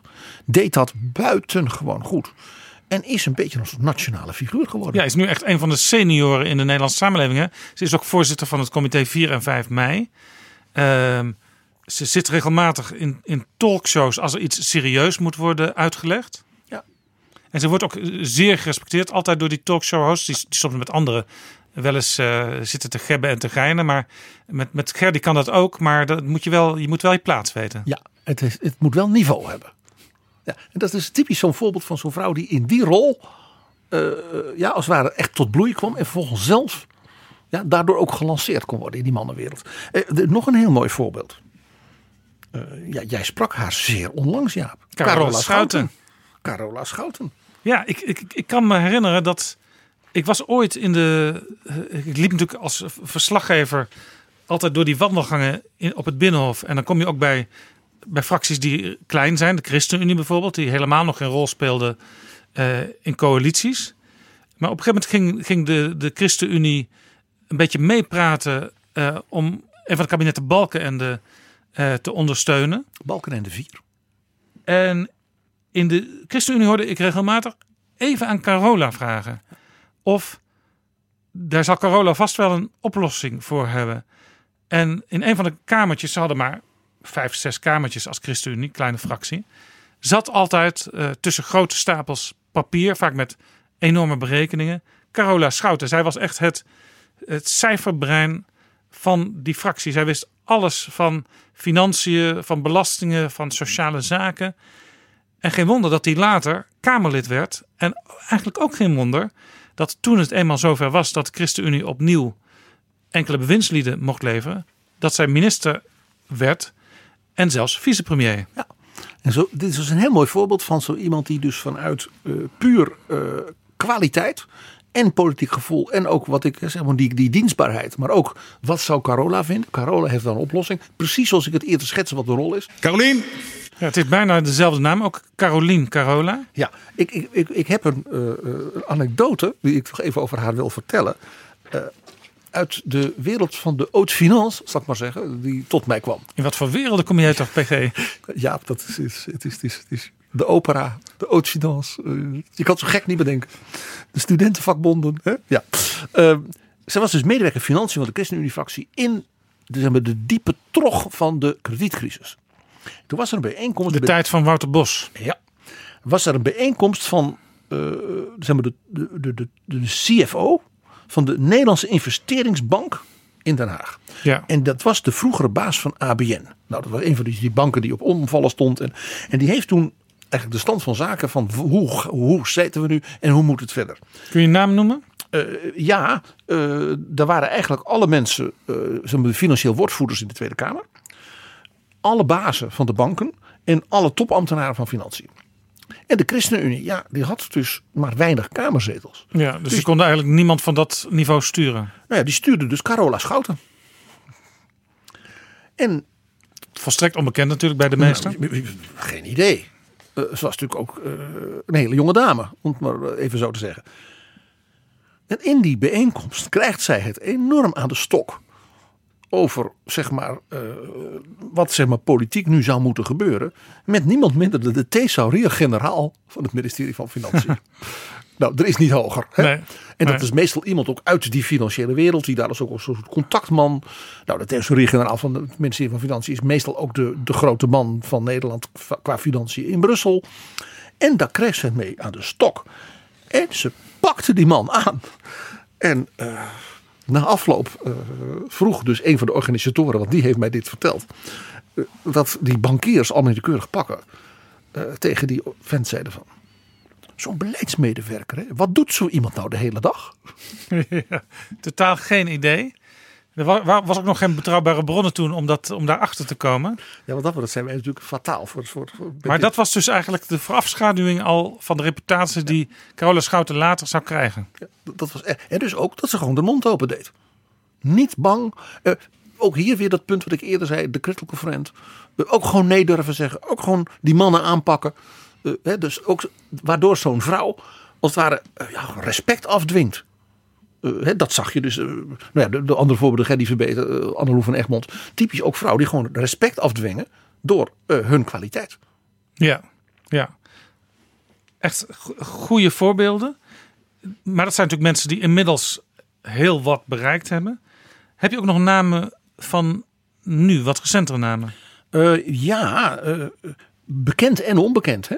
Dat zijn dus mensen die van de oude rotte het vak leren en dan in, hun in de samenleving als het ware verder gaan. Hè? Daar hebben we het over. Zal ik eens iemand noemen? Van, ik denk dat niet heel Nederland weet wie dat is. Totdat je denkt, oh, die doet, dat tegenwoordig zo. Dat is Olof van der Gaag. Olof van der Gaag. Olof van der Gaag was de vicevoorzitter van de Landelijke Studentenvakbond.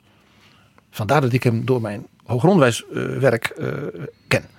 Die werd daarna de rechterhand van Paul Rozenmuller fractieleider van GroenLinks. Ah ja, want Rozenmuller, nu fractieleider in de Eerste Kamer, was toen in de jaren negentig fractieleider in de Tweede Kamer. En ook en al een van, de, een van de opvallendste Kamerleden ook. Ja, en uh, die werd wel spottend de echte oppositieleider uh, tegen Paars genoemd. Ja. Hoewel die veel kleiner was dan het CDA, ja. maar hij was de oppositieleider. Ja. Nou, Scherp aan de wind zeilend. Ja. En Olaf van der Gaag was een hele typisch uh, het profiel wat ik eerder zei. Buitengewoon slim, toegewijd, rustig, niet opvallend. Ja? werd na zijn werk eh, bij de fractie eh, van GroenLinks de chef van Natuur en Milieu. De maatschappelijke actiegroep zou je kunnen zeggen. Ja. Had natuurlijk een geweldig netwerk daardoor ook uh, natuurlijk in die wereld. Hè, ook vanuit zijn partij. Heel veel van die mensen zijn daar actief in. Dus ze wisten een safe pair of hands ja, voor die club. En nu, ik zag hem dus onlangs ineens in Pauw. Als expert op het gebied van energietransitie en klimaat. Want hij heeft tegenwoordig de functie van directeur van de Nederlandse Vereniging van Duurzame Energie. Hij Ah. speelt dus in die hele energietransitie. En nou ja, het gesprek dat wij met Ed Nijpels hadden. Hè, met over de, de, de, de, de, het eh, klimaatakkoord en energieakkoord en dergelijke. Speelt zo'n eh, dus zeer, zeer begaafde, eh, wat achtergrondachtige jongeman. Eh, dus ineens nog altijd een belangrijke rol. En heeft het vak op die manier geleerd.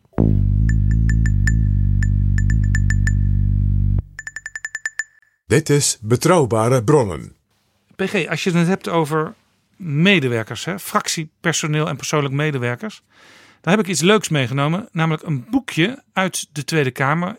Een intern eh, gebruikboekje uit juni 1995. Oh, ik zie het al. Dat is het Smoelenboek van de ja, Kamer. zo noemden ze dat vroeger. Ja. Helaas worden ze nu niet meer gemaakt. Nee, maar dit is een Anno 2019, dat heeft ook met privacy te maken, denk Ja, ik. dit is een collectors item. Maar toen moet je kreeg zuinig je op zijn. boekjes van wie werken er hier allemaal in dit gebouw. Je had ook aparte boekjes van journalisten, aparte boekjes van de mensen van het restaurant bijvoorbeeld. Was heel handig, want dan kon je af en toe nog eens iemand bij de naam noemen. En dat, ik vergeet nog alles namen, dat is hartstikke handig. En in, nou, nou, dat boekje is werkelijk geweldig. Het is dus bijna 25 jaar oud, juni 95. Daar staan een aantal mensen in die nu nog steeds een rol spelen.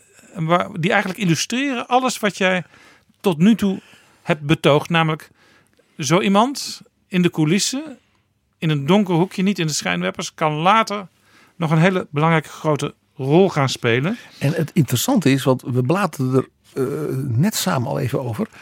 Zowel jij als ik zagen mensen die ook nu nog 25 jaar later nog altijd als zo'n dienstbare Ik zie bijvoorbeeld medewerkersfiguur. Op pagina 2, de Partij van de Arbeid was toen de grootste partij. Hij zat ook in het eerste kabinet Kok, Paars. Beleidsmedewerker ruimtelijk beleid. Een jonge jongen die een beetje met een brilletje verlegen omlaag kijkt op de foto. Jeroen Dijsselbloem. Ja. En ik blader. En, en blader eens even naar de VVD. Even want verder, volgens mij even- zie je bij die VVD Nou, nee, dan... nee, nou, op Oh, diezelfde pagina bij de Partij van de Arbeid aan de onderkant. Afdelingshoofd, beleidsmedewerker Binnenlands Bestuur. Een lachende jonge vrouw, Jetta Kleinsma. Ja, ja, ja, ja, ja. Even kijken of ik het hele Partij van de Arbeid... Ja, maar we hoeven, niet, we we hoeven niet de hele te niet behandelen. alles. Nee, ik word natuurlijk nu verschrikkelijk nieuwsgierig naar die geblondeerde Limburger bij de VVD-fractie. Ja. Zat hij er Ja, toen nou, al? jij, jij, jij, iedereen weet natuurlijk over wie, wie we het hier hebben, geblondeerde Limburger. Even zoeken, waar is, waar is de VVD? Waar is de VVD? Eh, knip, knip, knip. Even kijken. Nou, het was de tweede partij in omvang. Ja, maar hier is het CDA. eh. CDA zit er nog tussen. Dat Oh ja, eh, natuurlijk. Ja, dit was, ja, het CDA was nog net, net iets kleiner dan de PvdA toen, ondanks de grote nederlaag. Ja, dat is zo. Even kijken. hoor. Het is natuurlijk wat Mannix Krop eh, ons vertelde. Dat Kok natuurlijk in 94 in feite een grote nederlaag leidde, le- leidde. Maar toch de grootste partij werd. Bij de VVD helemaal onderaan het lijstje. Want ja, het is natuurlijk de W van Wilders waar we het over hebben. Geert Wilders. Staat hier ook een beetje een verlegen jongeman. En eh, het lijkt of hij al begonnen is met eh, het blonderen van zijn haar. Ja, absoluut. Eh, ik heb zelfs nog ergens een oude boekje, maar dat kon ik niet vinden. waar hij nog met permanent krulhaar op stond. Maar goed, hij was dus beleidsmedewerker sociale zaken en werkgelegenheid. Emancipatiebeleid. Stelselwijziging ziektekosten en ISMO. Ik weet niet wat ISMO is, maar dat kunnen we Geert ongetwijfeld nog eens vragen. Maar goed, die, dat soort mensen. Internationale Soros maatschappijontwikkeling. Dat soort mensen waren dus toen fractiemedewerker. En ik zie ook nog een hele interessante bij de VVD op pagina 19 van het boekje. Beleidsmedewerker Volksgezondheid, Homobeleid en Welzijn. Een heel jonge vrouw. Haar naam is Edith Schippers. Met hele grote oorbellen. Ja. Nou ja, het geeft al aan. Je wordt of de leider van een hele belangrijke oppositiepartij. Of zelfs minister. Of chef van de eurozone. Ik blader nog even verder René Leegte bijvoorbeeld, zie ik La- ook in het later, boekje staan. Later Kamerlid. Die En- was persoonlijk medewerker van Frits Bolkestein. En ik kijk ook nog even bij het Christendemocratisch Appel. Beleidsmedewerker Justitie. Daar is hij. Siebrand van Haarsma Buma. Toen was het nog voluit van Haarsma Buma. Hele serieuze kop op de foto. Ja, tuurlijk. Maar zo kennen we hem natuurlijk ook. Nou ja, dit is eigenlijk... Ik blader er maar een beetje doorheen. Ik zie bij de SP, had ik gezien, een... een Harry van Bommel. Ja, met, met, met... Medewerker onderwijs. Als een soort, eigenlijk een soort eh, voorzitter van de scholierenvakbond. Ja, met een enorme pony op zijn hoofd. Ja, precies. Hij deed ook eh, defensie, drugsbeleid, verslaafden en daklozen. En heel interessant, de ambtelijk secretaris van de fractie van de SP in 1995, Agnes Kant, die later ook nog zelf fractievoorzitter zou worden. En partijleider. Ja. De opvolger van de grote man, Jan Marijnissen. En dan ook nog heel interessant, bij de Reformatorische Politieke Federatie, een partij, ja, je moet nu uitleggen wat dat was. Maar dat was een van de twee partijen die later fuseerden tot de ChristenUnie. Daar was een beleidsmedewerker onderwijs, cultuur en wetenschappen, welzijn en sport. En als ik de foto op een politieke pubquiz zou laten zien, dan zou denk ik in de zaal, nou misschien één of twee mensen zien het, maar honderd andere mensen niet. Want het is wel een hele jonge en ook nog niet kale Gertjan Segers die daar beleidsmedewerker was. Nou, zo zie je, dit is dus gewoon het smoelenboek van halverwege de jaren negentig. En daar zie je dus dat die, zeg maar, die, die ontwikkelingsgang van sommige mensen naar politiek leiderschap. Ik zei al, eh, voorzitter van de eurozone, eh, ook niet mis. Maar denk ook eens bijvoorbeeld aan, eh, waar we het met Manis Krop ook over hadden. Over iemand als Dick Benschop. Ja, de huidige de rechterhand van, Wim. Kok. En van Shell. Ja. Ja. En inderdaad rechterhand van, van Wim Kok. Nog voorbestemd om fractieleider te worden. Maar ja, dat was in een periode melkert dat het helemaal niet meer goed ging met de Partij van de Arbeid. Eh, mag ik nog een heel ander interessant Europees voorbeeld noemen? Luc van Middelaar. Nu hoogleraar, zeg maar, Europa-kennis. En columnist in NRC Handelsblad. Ja, en, en dus in Leiden eh, aan de universiteit. En dat was de ja, rechterhand en speechschrijver van Herman van Rompuy als eerste president van de Europese Raad. En hij heeft ook nog gewerkt voor Josias van Aartsen, de fractieleider van de VVD. Zo zie je maar. En één ding kun je zeggen, maar Herman van Rompuy was nou niet bepaald een VVD'er. Nee. Het was een echte Belgische Vlaamse christendemocraat. Dat zie je maar. Nog een illustratie van, kijk ook eens wat verder dan je neus lang is en probeer ook nog eens eh, voor anderen te werken. Zo is dat. Er is nog even een speciaal soort van dat soort assistenten.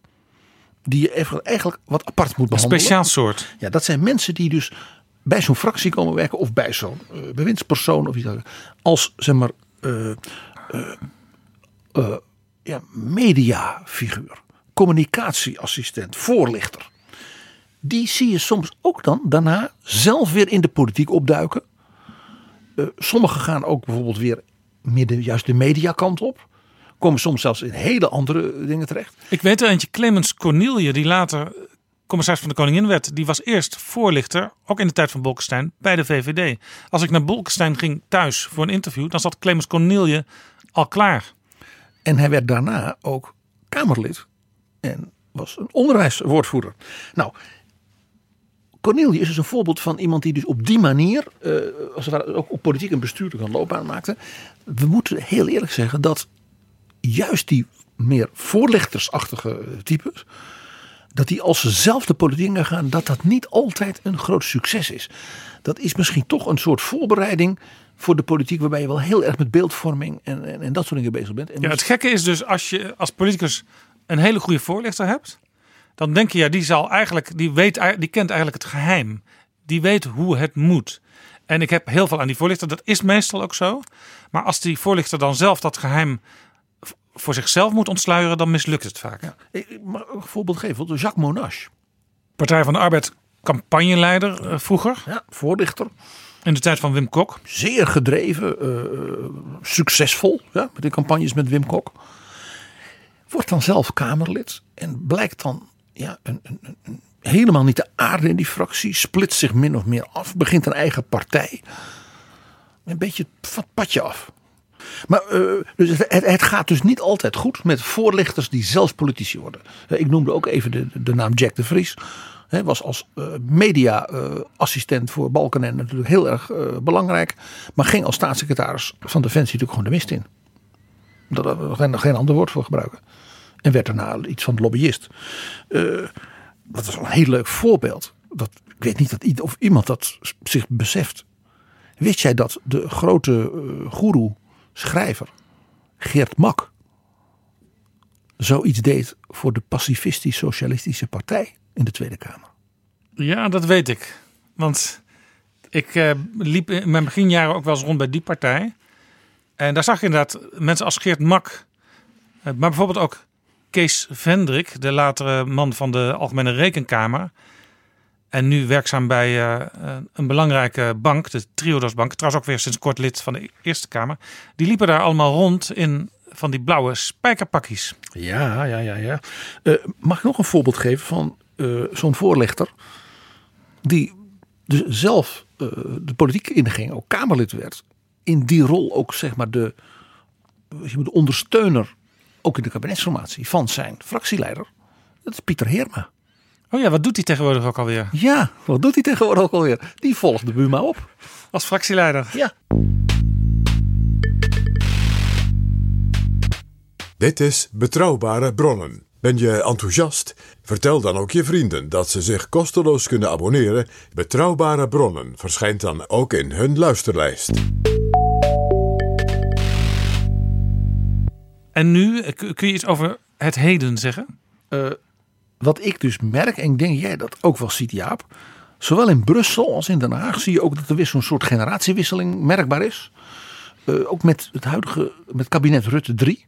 Uh, nieuwe gezichten, ook vanuit de verschillende partijen. Ja, ook omdat natuurlijk sommige partijen na een tijdje pas weer aan kabinetten deelnemen. Dus er komen ineens nieuwe rollen van mensen die zich al hebben warm gelopen op andere plekken. Ja, D66 zit er natuurlijk nieuw in. De ChristenUnie, het CDA is teruggekeerd. Ook. Ja, dus de, de, en de VVD zijn er ook een heleboel vertrokken.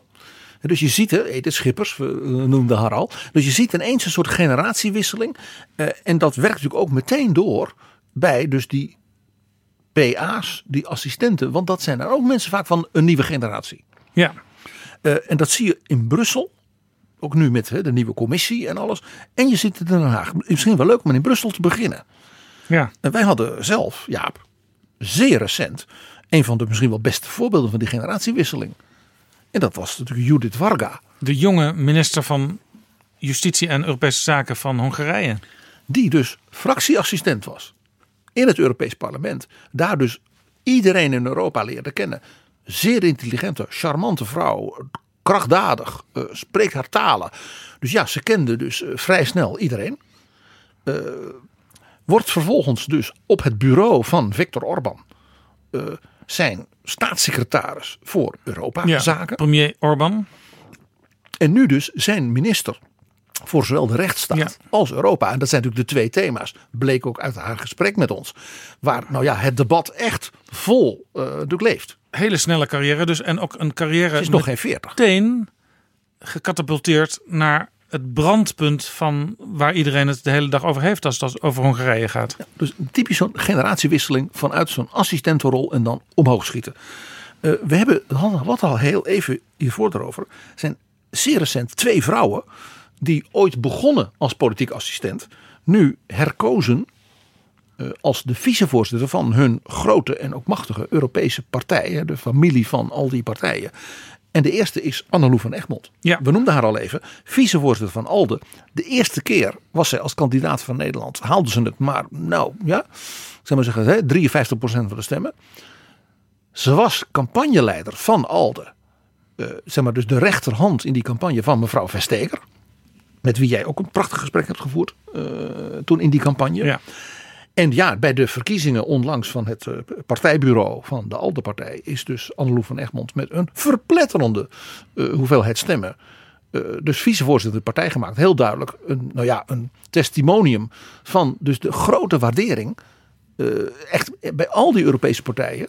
Voor hoe zij dat gedaan heeft. En dat die campagne dus een succes was. Ja. En heel grappig. in die rol is zij eigenlijk, ja, waar we het eerder over hadden een echte troubleshooter. Eh, ze vertelde me heel onlangs dat, ze, eh, dat er een groot gedoe was met zeg maar, de ALDE partij in Estland. En dat kabinet waar ze, wat ze steunden. En nou, dat lag dus zeer omstreden bij anderen. En wie sturen ze dan naar Tallinn? Annelou van Egmond. En ook de gesprekken met de club van Macron, wat natuurlijk eh, voor die partij best lastig is. Die Franse president wil dan niet een liberaal zijn, maar wel samen in de fractie. Dus dan heel gevoelig. Annelou van Egmond gaat naar Parijs. Ja. Dan zie je de hele dag dus die rol waar we het eerder over hadden. Hè? Dus de troubleshooter, ook iemand die soms nee kan zeggen. Eh, ook iemand die oplossingen helpt bedenken. Madame Non. Madame Non, ja, ja precies. Een ander voorbeeld is eh, Esther de Lange. Van het CDA? Ja, die is opnieuw gekozen als vicevoorzitter van de Europese Volkspartij, de EVP, de grootste in Europa. Ja, zij is dus eigenlijk op twee momenten eh, vicevoorzitter. Zij is het van de fractie en van de partij in Europa. En dat is precies het punt waar ik even de vinger op wilde leggen. Dat is een zeer uitzonderlijke combinatie. Dat betekent dus dat de interne lijnen in die hele grote partij binnen Europa, met eh, ongeveer elke lidstaat zit er iemand van de EVP. Eh, Dat, is, dat komt bij de anderen niet voor. Dus al die lijnen tussen al die landen, inderdaad, ik zeg maar van Letland, eh, Portugal, eh, Ierland, eh, Griekenland. Hè. In de laatste twee landen hebben ze een premier. eh Mouti in Duitsland, ja. Oostenrijk met Kurz. Al die lijnen komen dus samen bij Esther de Lange. Want die is de voorzitter van en de fractie en de partijorganisatie. En daarmee is zij, hoewel weinig in beeld misschien voor veel mensen, een van de machtigste vrouwen in Europa achter de schermen. Zonder dat we het eigenlijk echt weten. Ja, daar speelt nog iets. Ze heeft nog een geheim wapen. Ja, dat, dat heb je. Haar rechterhand bij zeg maar, het CDA in Europa is nu zelf de rechterhand van de chef van de EVP, Manfred, Manfred Weber. Weber. Nou, die ook, eh, ja, dat was ook nog eens een buitengewoon pittig, eh, goed gesprek wat we met die man hadden. En eh, ja, het feit dat Weber, de Beier, deze jonge Nederlander als zijn rechterhand heeft. Die die als het ware cadeau heeft gekregen van Esther de Lange. Dat geeft dus aan hoe goed en belangrijk. Die heet Dirk Grotink. Ja, Dirk Grotink, hoe belangrijk die is. Ook weer zo iemand, niemand kent hem. Ja, je ziet hem niet. Maar eh, zoals het heet, let op. Zij heeft toch ook nog een, een, een, een, een assistent die inmiddels zelf ook eigenlijk ook weer een illustratie van het verhaal. Eh, sinds kort Europarlementariër is, namelijk Tom Berendsen. Ja, dat is heel interessant. Dat is een van de nieuwe mensen dus in het Europe- Europees Parlement. Hele jonge vent. Eh, eh, Brabant was een beetje zijn kiesdistrict. Maar hij is heel duidelijk iemand die dus anders dan veel andere Europarlementariërs zich nadrukkelijk niet te veel regionaal ontwikkelt. En ja, natuurlijk met natuurlijk de rol van Esther de Lange ook in die fractie, in die partij, is het geen toeval dat hij een aantal buitengewoon interessante en spannende portefeuilles te pakken heeft gekregen. Waarbij hij dus namens de EVP de woordvoerder is op allerlei gebieden, op bijvoorbeeld eh, artificial intelligence. eh, nou ja, echt grote thema's. Dus eh, hou ook wel in de gaten houden, zo die naam. Ja. Hier, zie je dus deze, deze loopbaan, die kennen we uit de Nederlandse politiek ook wel. Dit is precies ook de loopbaan van Maxime Verhagen geweest. ja. En bijvoorbeeld van Katelijne Buitenweg. Maxime Verhagen, eh, later natuurlijk fractieleider in de Tweede Kamer en minister van Buitenlandse Zaken en van Economische Zaken. Vicepremier. En Katelijne Buitenweg, leider geweest van de GroenLinks in het Europees Parlement. En nu een van de belangrijkste mensen in de, in de fractie van GroenLinks. Zit ook vaak bij belangrijke debatten naast Jesse Klaver. Ja, dat is heel grappig. Dan zie je dus diezelfde loopbaan. eh, een beetje à la Judith Varga. Medewerker, opvallen daarin, dat goed doen. Ja, Europese portefeuilles pakken en dan eh, doorbreken. Ja, dan even, dat was Brussel. Nog even, nog even naar Den Haag kijken. Ja, daar zie je ook dus nu weer van die ja, zeg maar, nieuwe jonge toppers, om maar zo te zeggen. Vaak bij ministers, bij eh, eh, belangrijke politici. Ja, een, van hen, hebben- een van hen zat natuurlijk onlangs in Betrouwbare Bronnen. Ja, die eh, heeft een boek geschreven, een heel mooi boek over Winston Churchill en Europa. En wij hadden toen Andrew Roberts, de, ja, de, de, de, de auteur van dat magnifieke en vuistdikke boek over Churchill.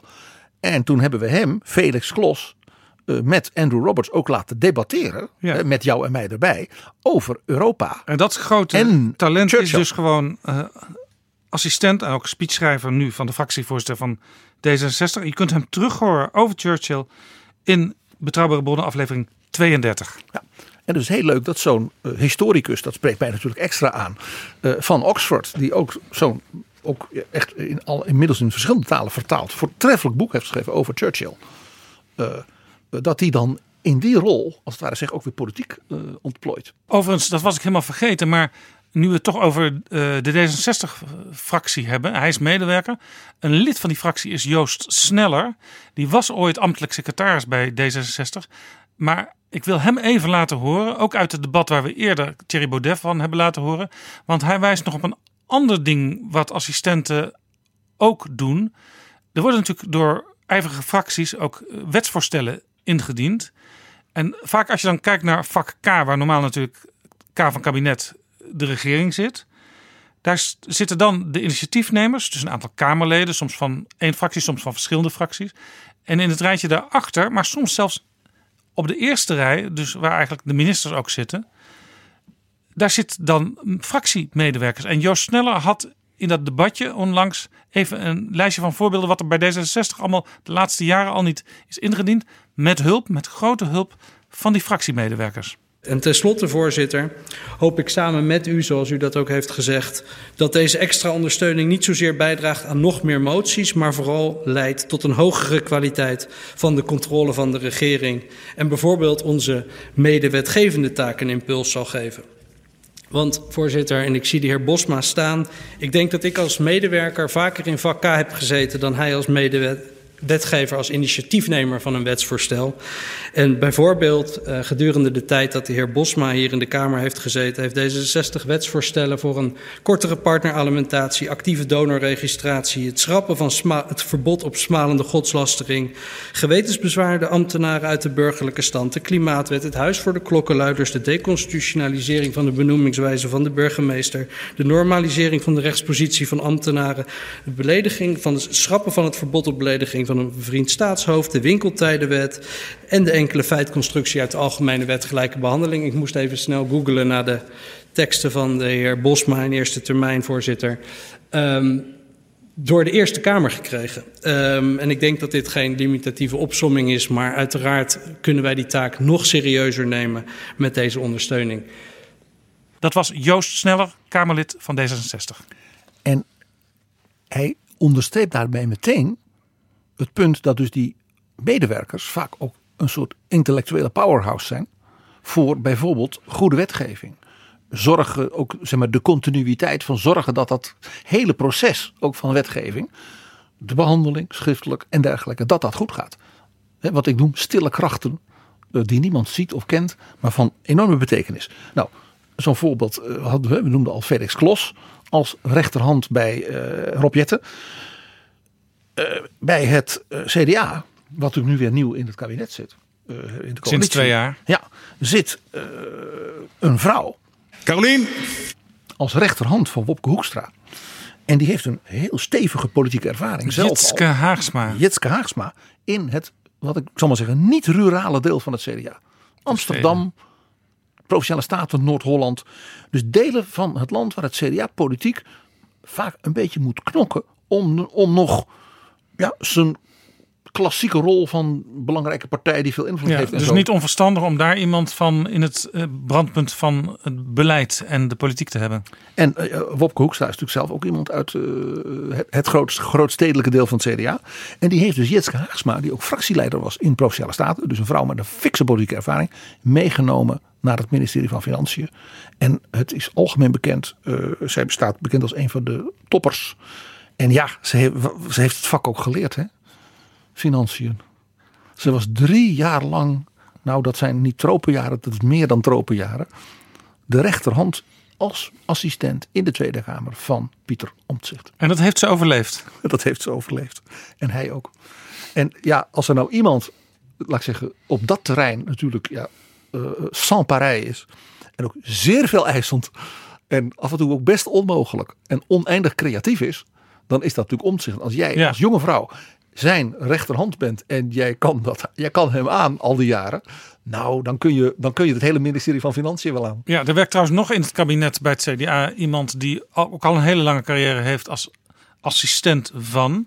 Dat is de huidige rechterhand van Hugo, de jonge Bart van der Brink. Ja, die heeft het vak geleerd als opvolger van Hugo de Jonge. Want hij volgde Hugo de Jonge op als de rechterhand van Maria van Besterveld.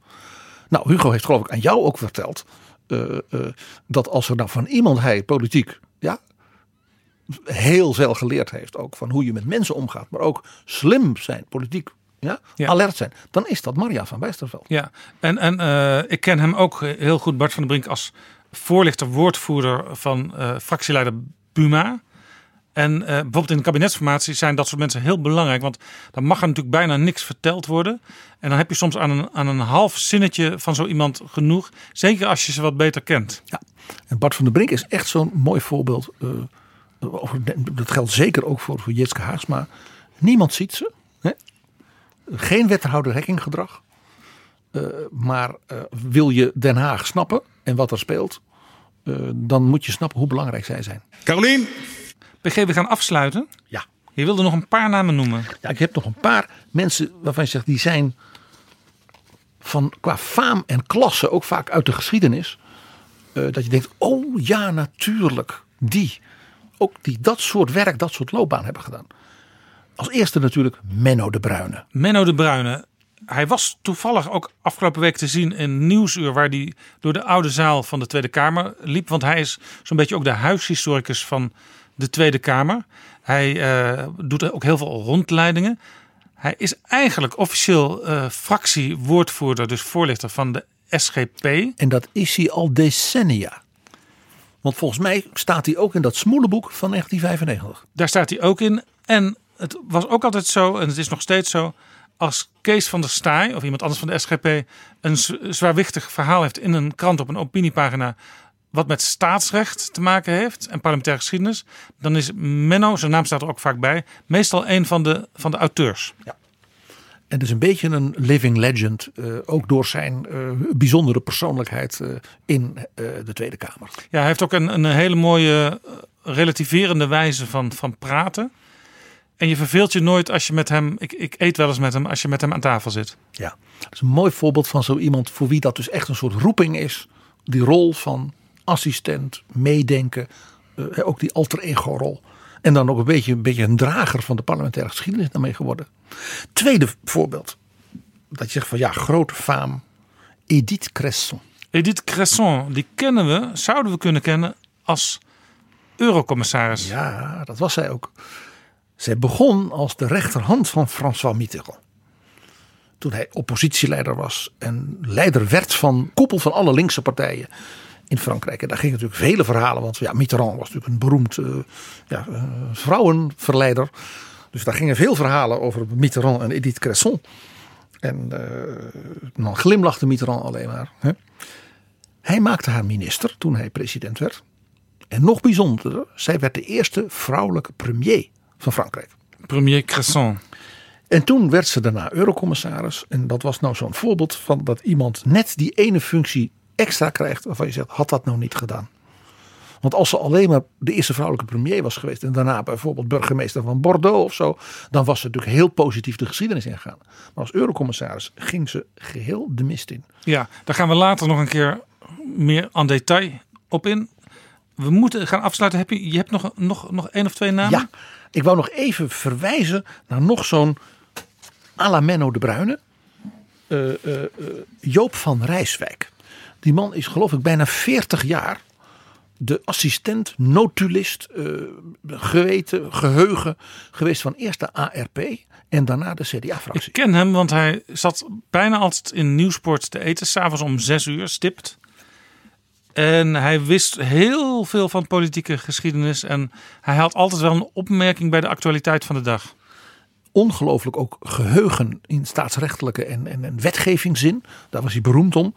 En even onderstrepen, hij heeft memoires geschreven. Boek Repeterende Breuken over de verhouding tussen het CDA en de Partij van de Arbeid. Ja. Zeg maar in de loop van de decennia. En dat is een boek. Ook een je... prachtige titel natuurlijk, hè? Prachtig. En dat is, nou ja, je begrijpt, dan roep ik mijn vaste ding weer. U moet dat allemaal doen, politici. Dus ook dit soort mensen achter de schermen. Schrijf je memoires. En kijk op Marktplaats of waar dan ook repeterende breuken. Dat boek is aan te raden. En dan als allerlaatste misschien wel de meest archetypische assistent politiek. Uh, en die dan vervolgens ook zelf een politieke loopbaan maakt. En dat is natuurlijk Bram Peper. Bram Peper. Ja, dat was ook zo'n typische PvdA-intellectueel van Nieuw Links. Jaren 60, jaren 70. Met Werd... een grote druipsnor in die tijd. Zeker, zeker, zeker. eh, en een aanzienlijke geldingsdrang. En eh, die werd in het kabinet Den Uyl de politiek assistent van een minister van een andere partij dan de PvdA.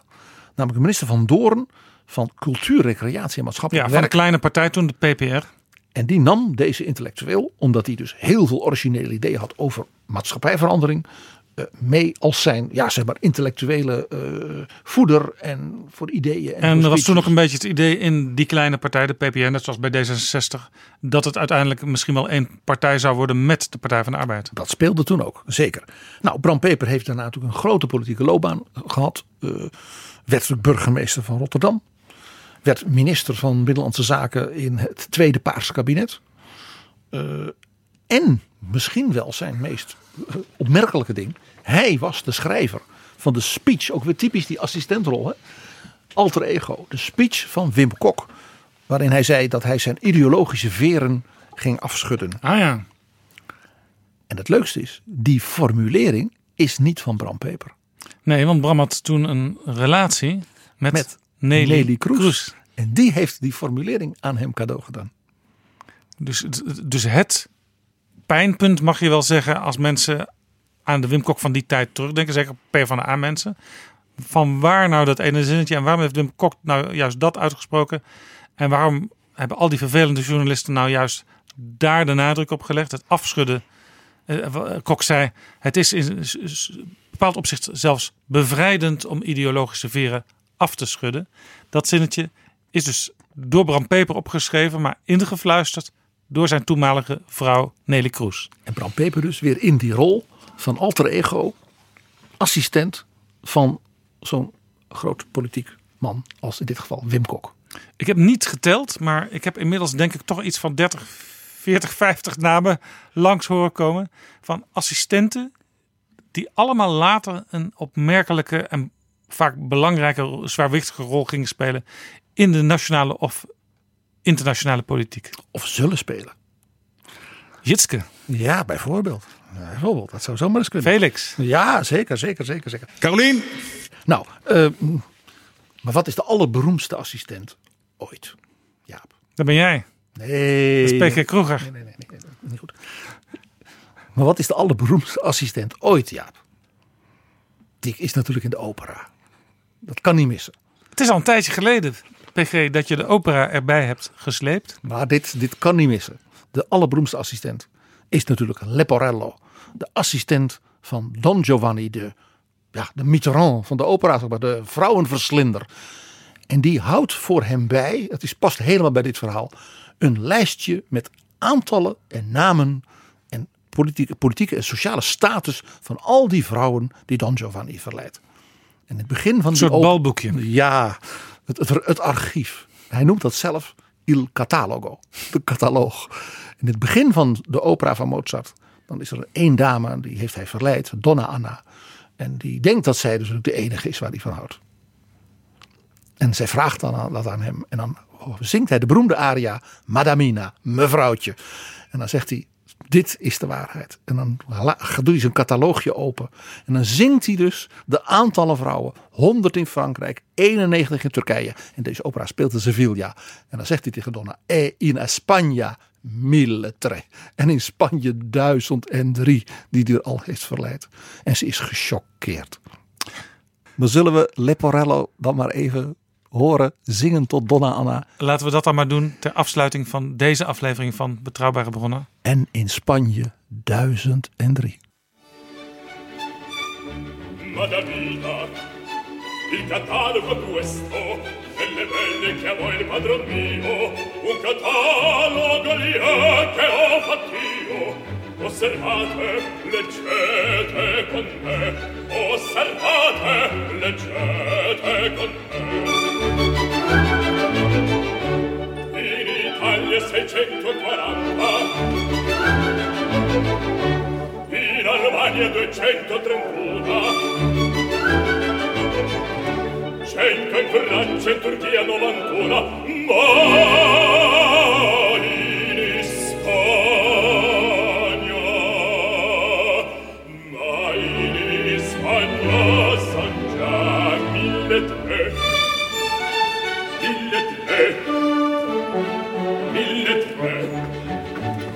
contesse contadine, cameriere cittadine, ma contesse baronesse, marchesane principesse e vantato d'ogni grado, d'ogni forma, d'ogni età, d'ogni forma, d'ogni età. Dankjewel, PG.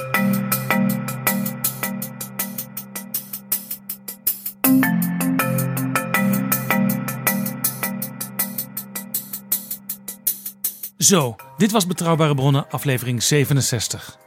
In de volgende aflevering ga ik het met een aantal gasten hebben over een overheidsdienst die op dit moment op een niet zo gunstige wijze in de belangstelling staat: de Belastingdienst. Tot dan. Betrouwbare bronnen wordt gemaakt door Jaap Jansen in samenwerking met dag en nacht.nl.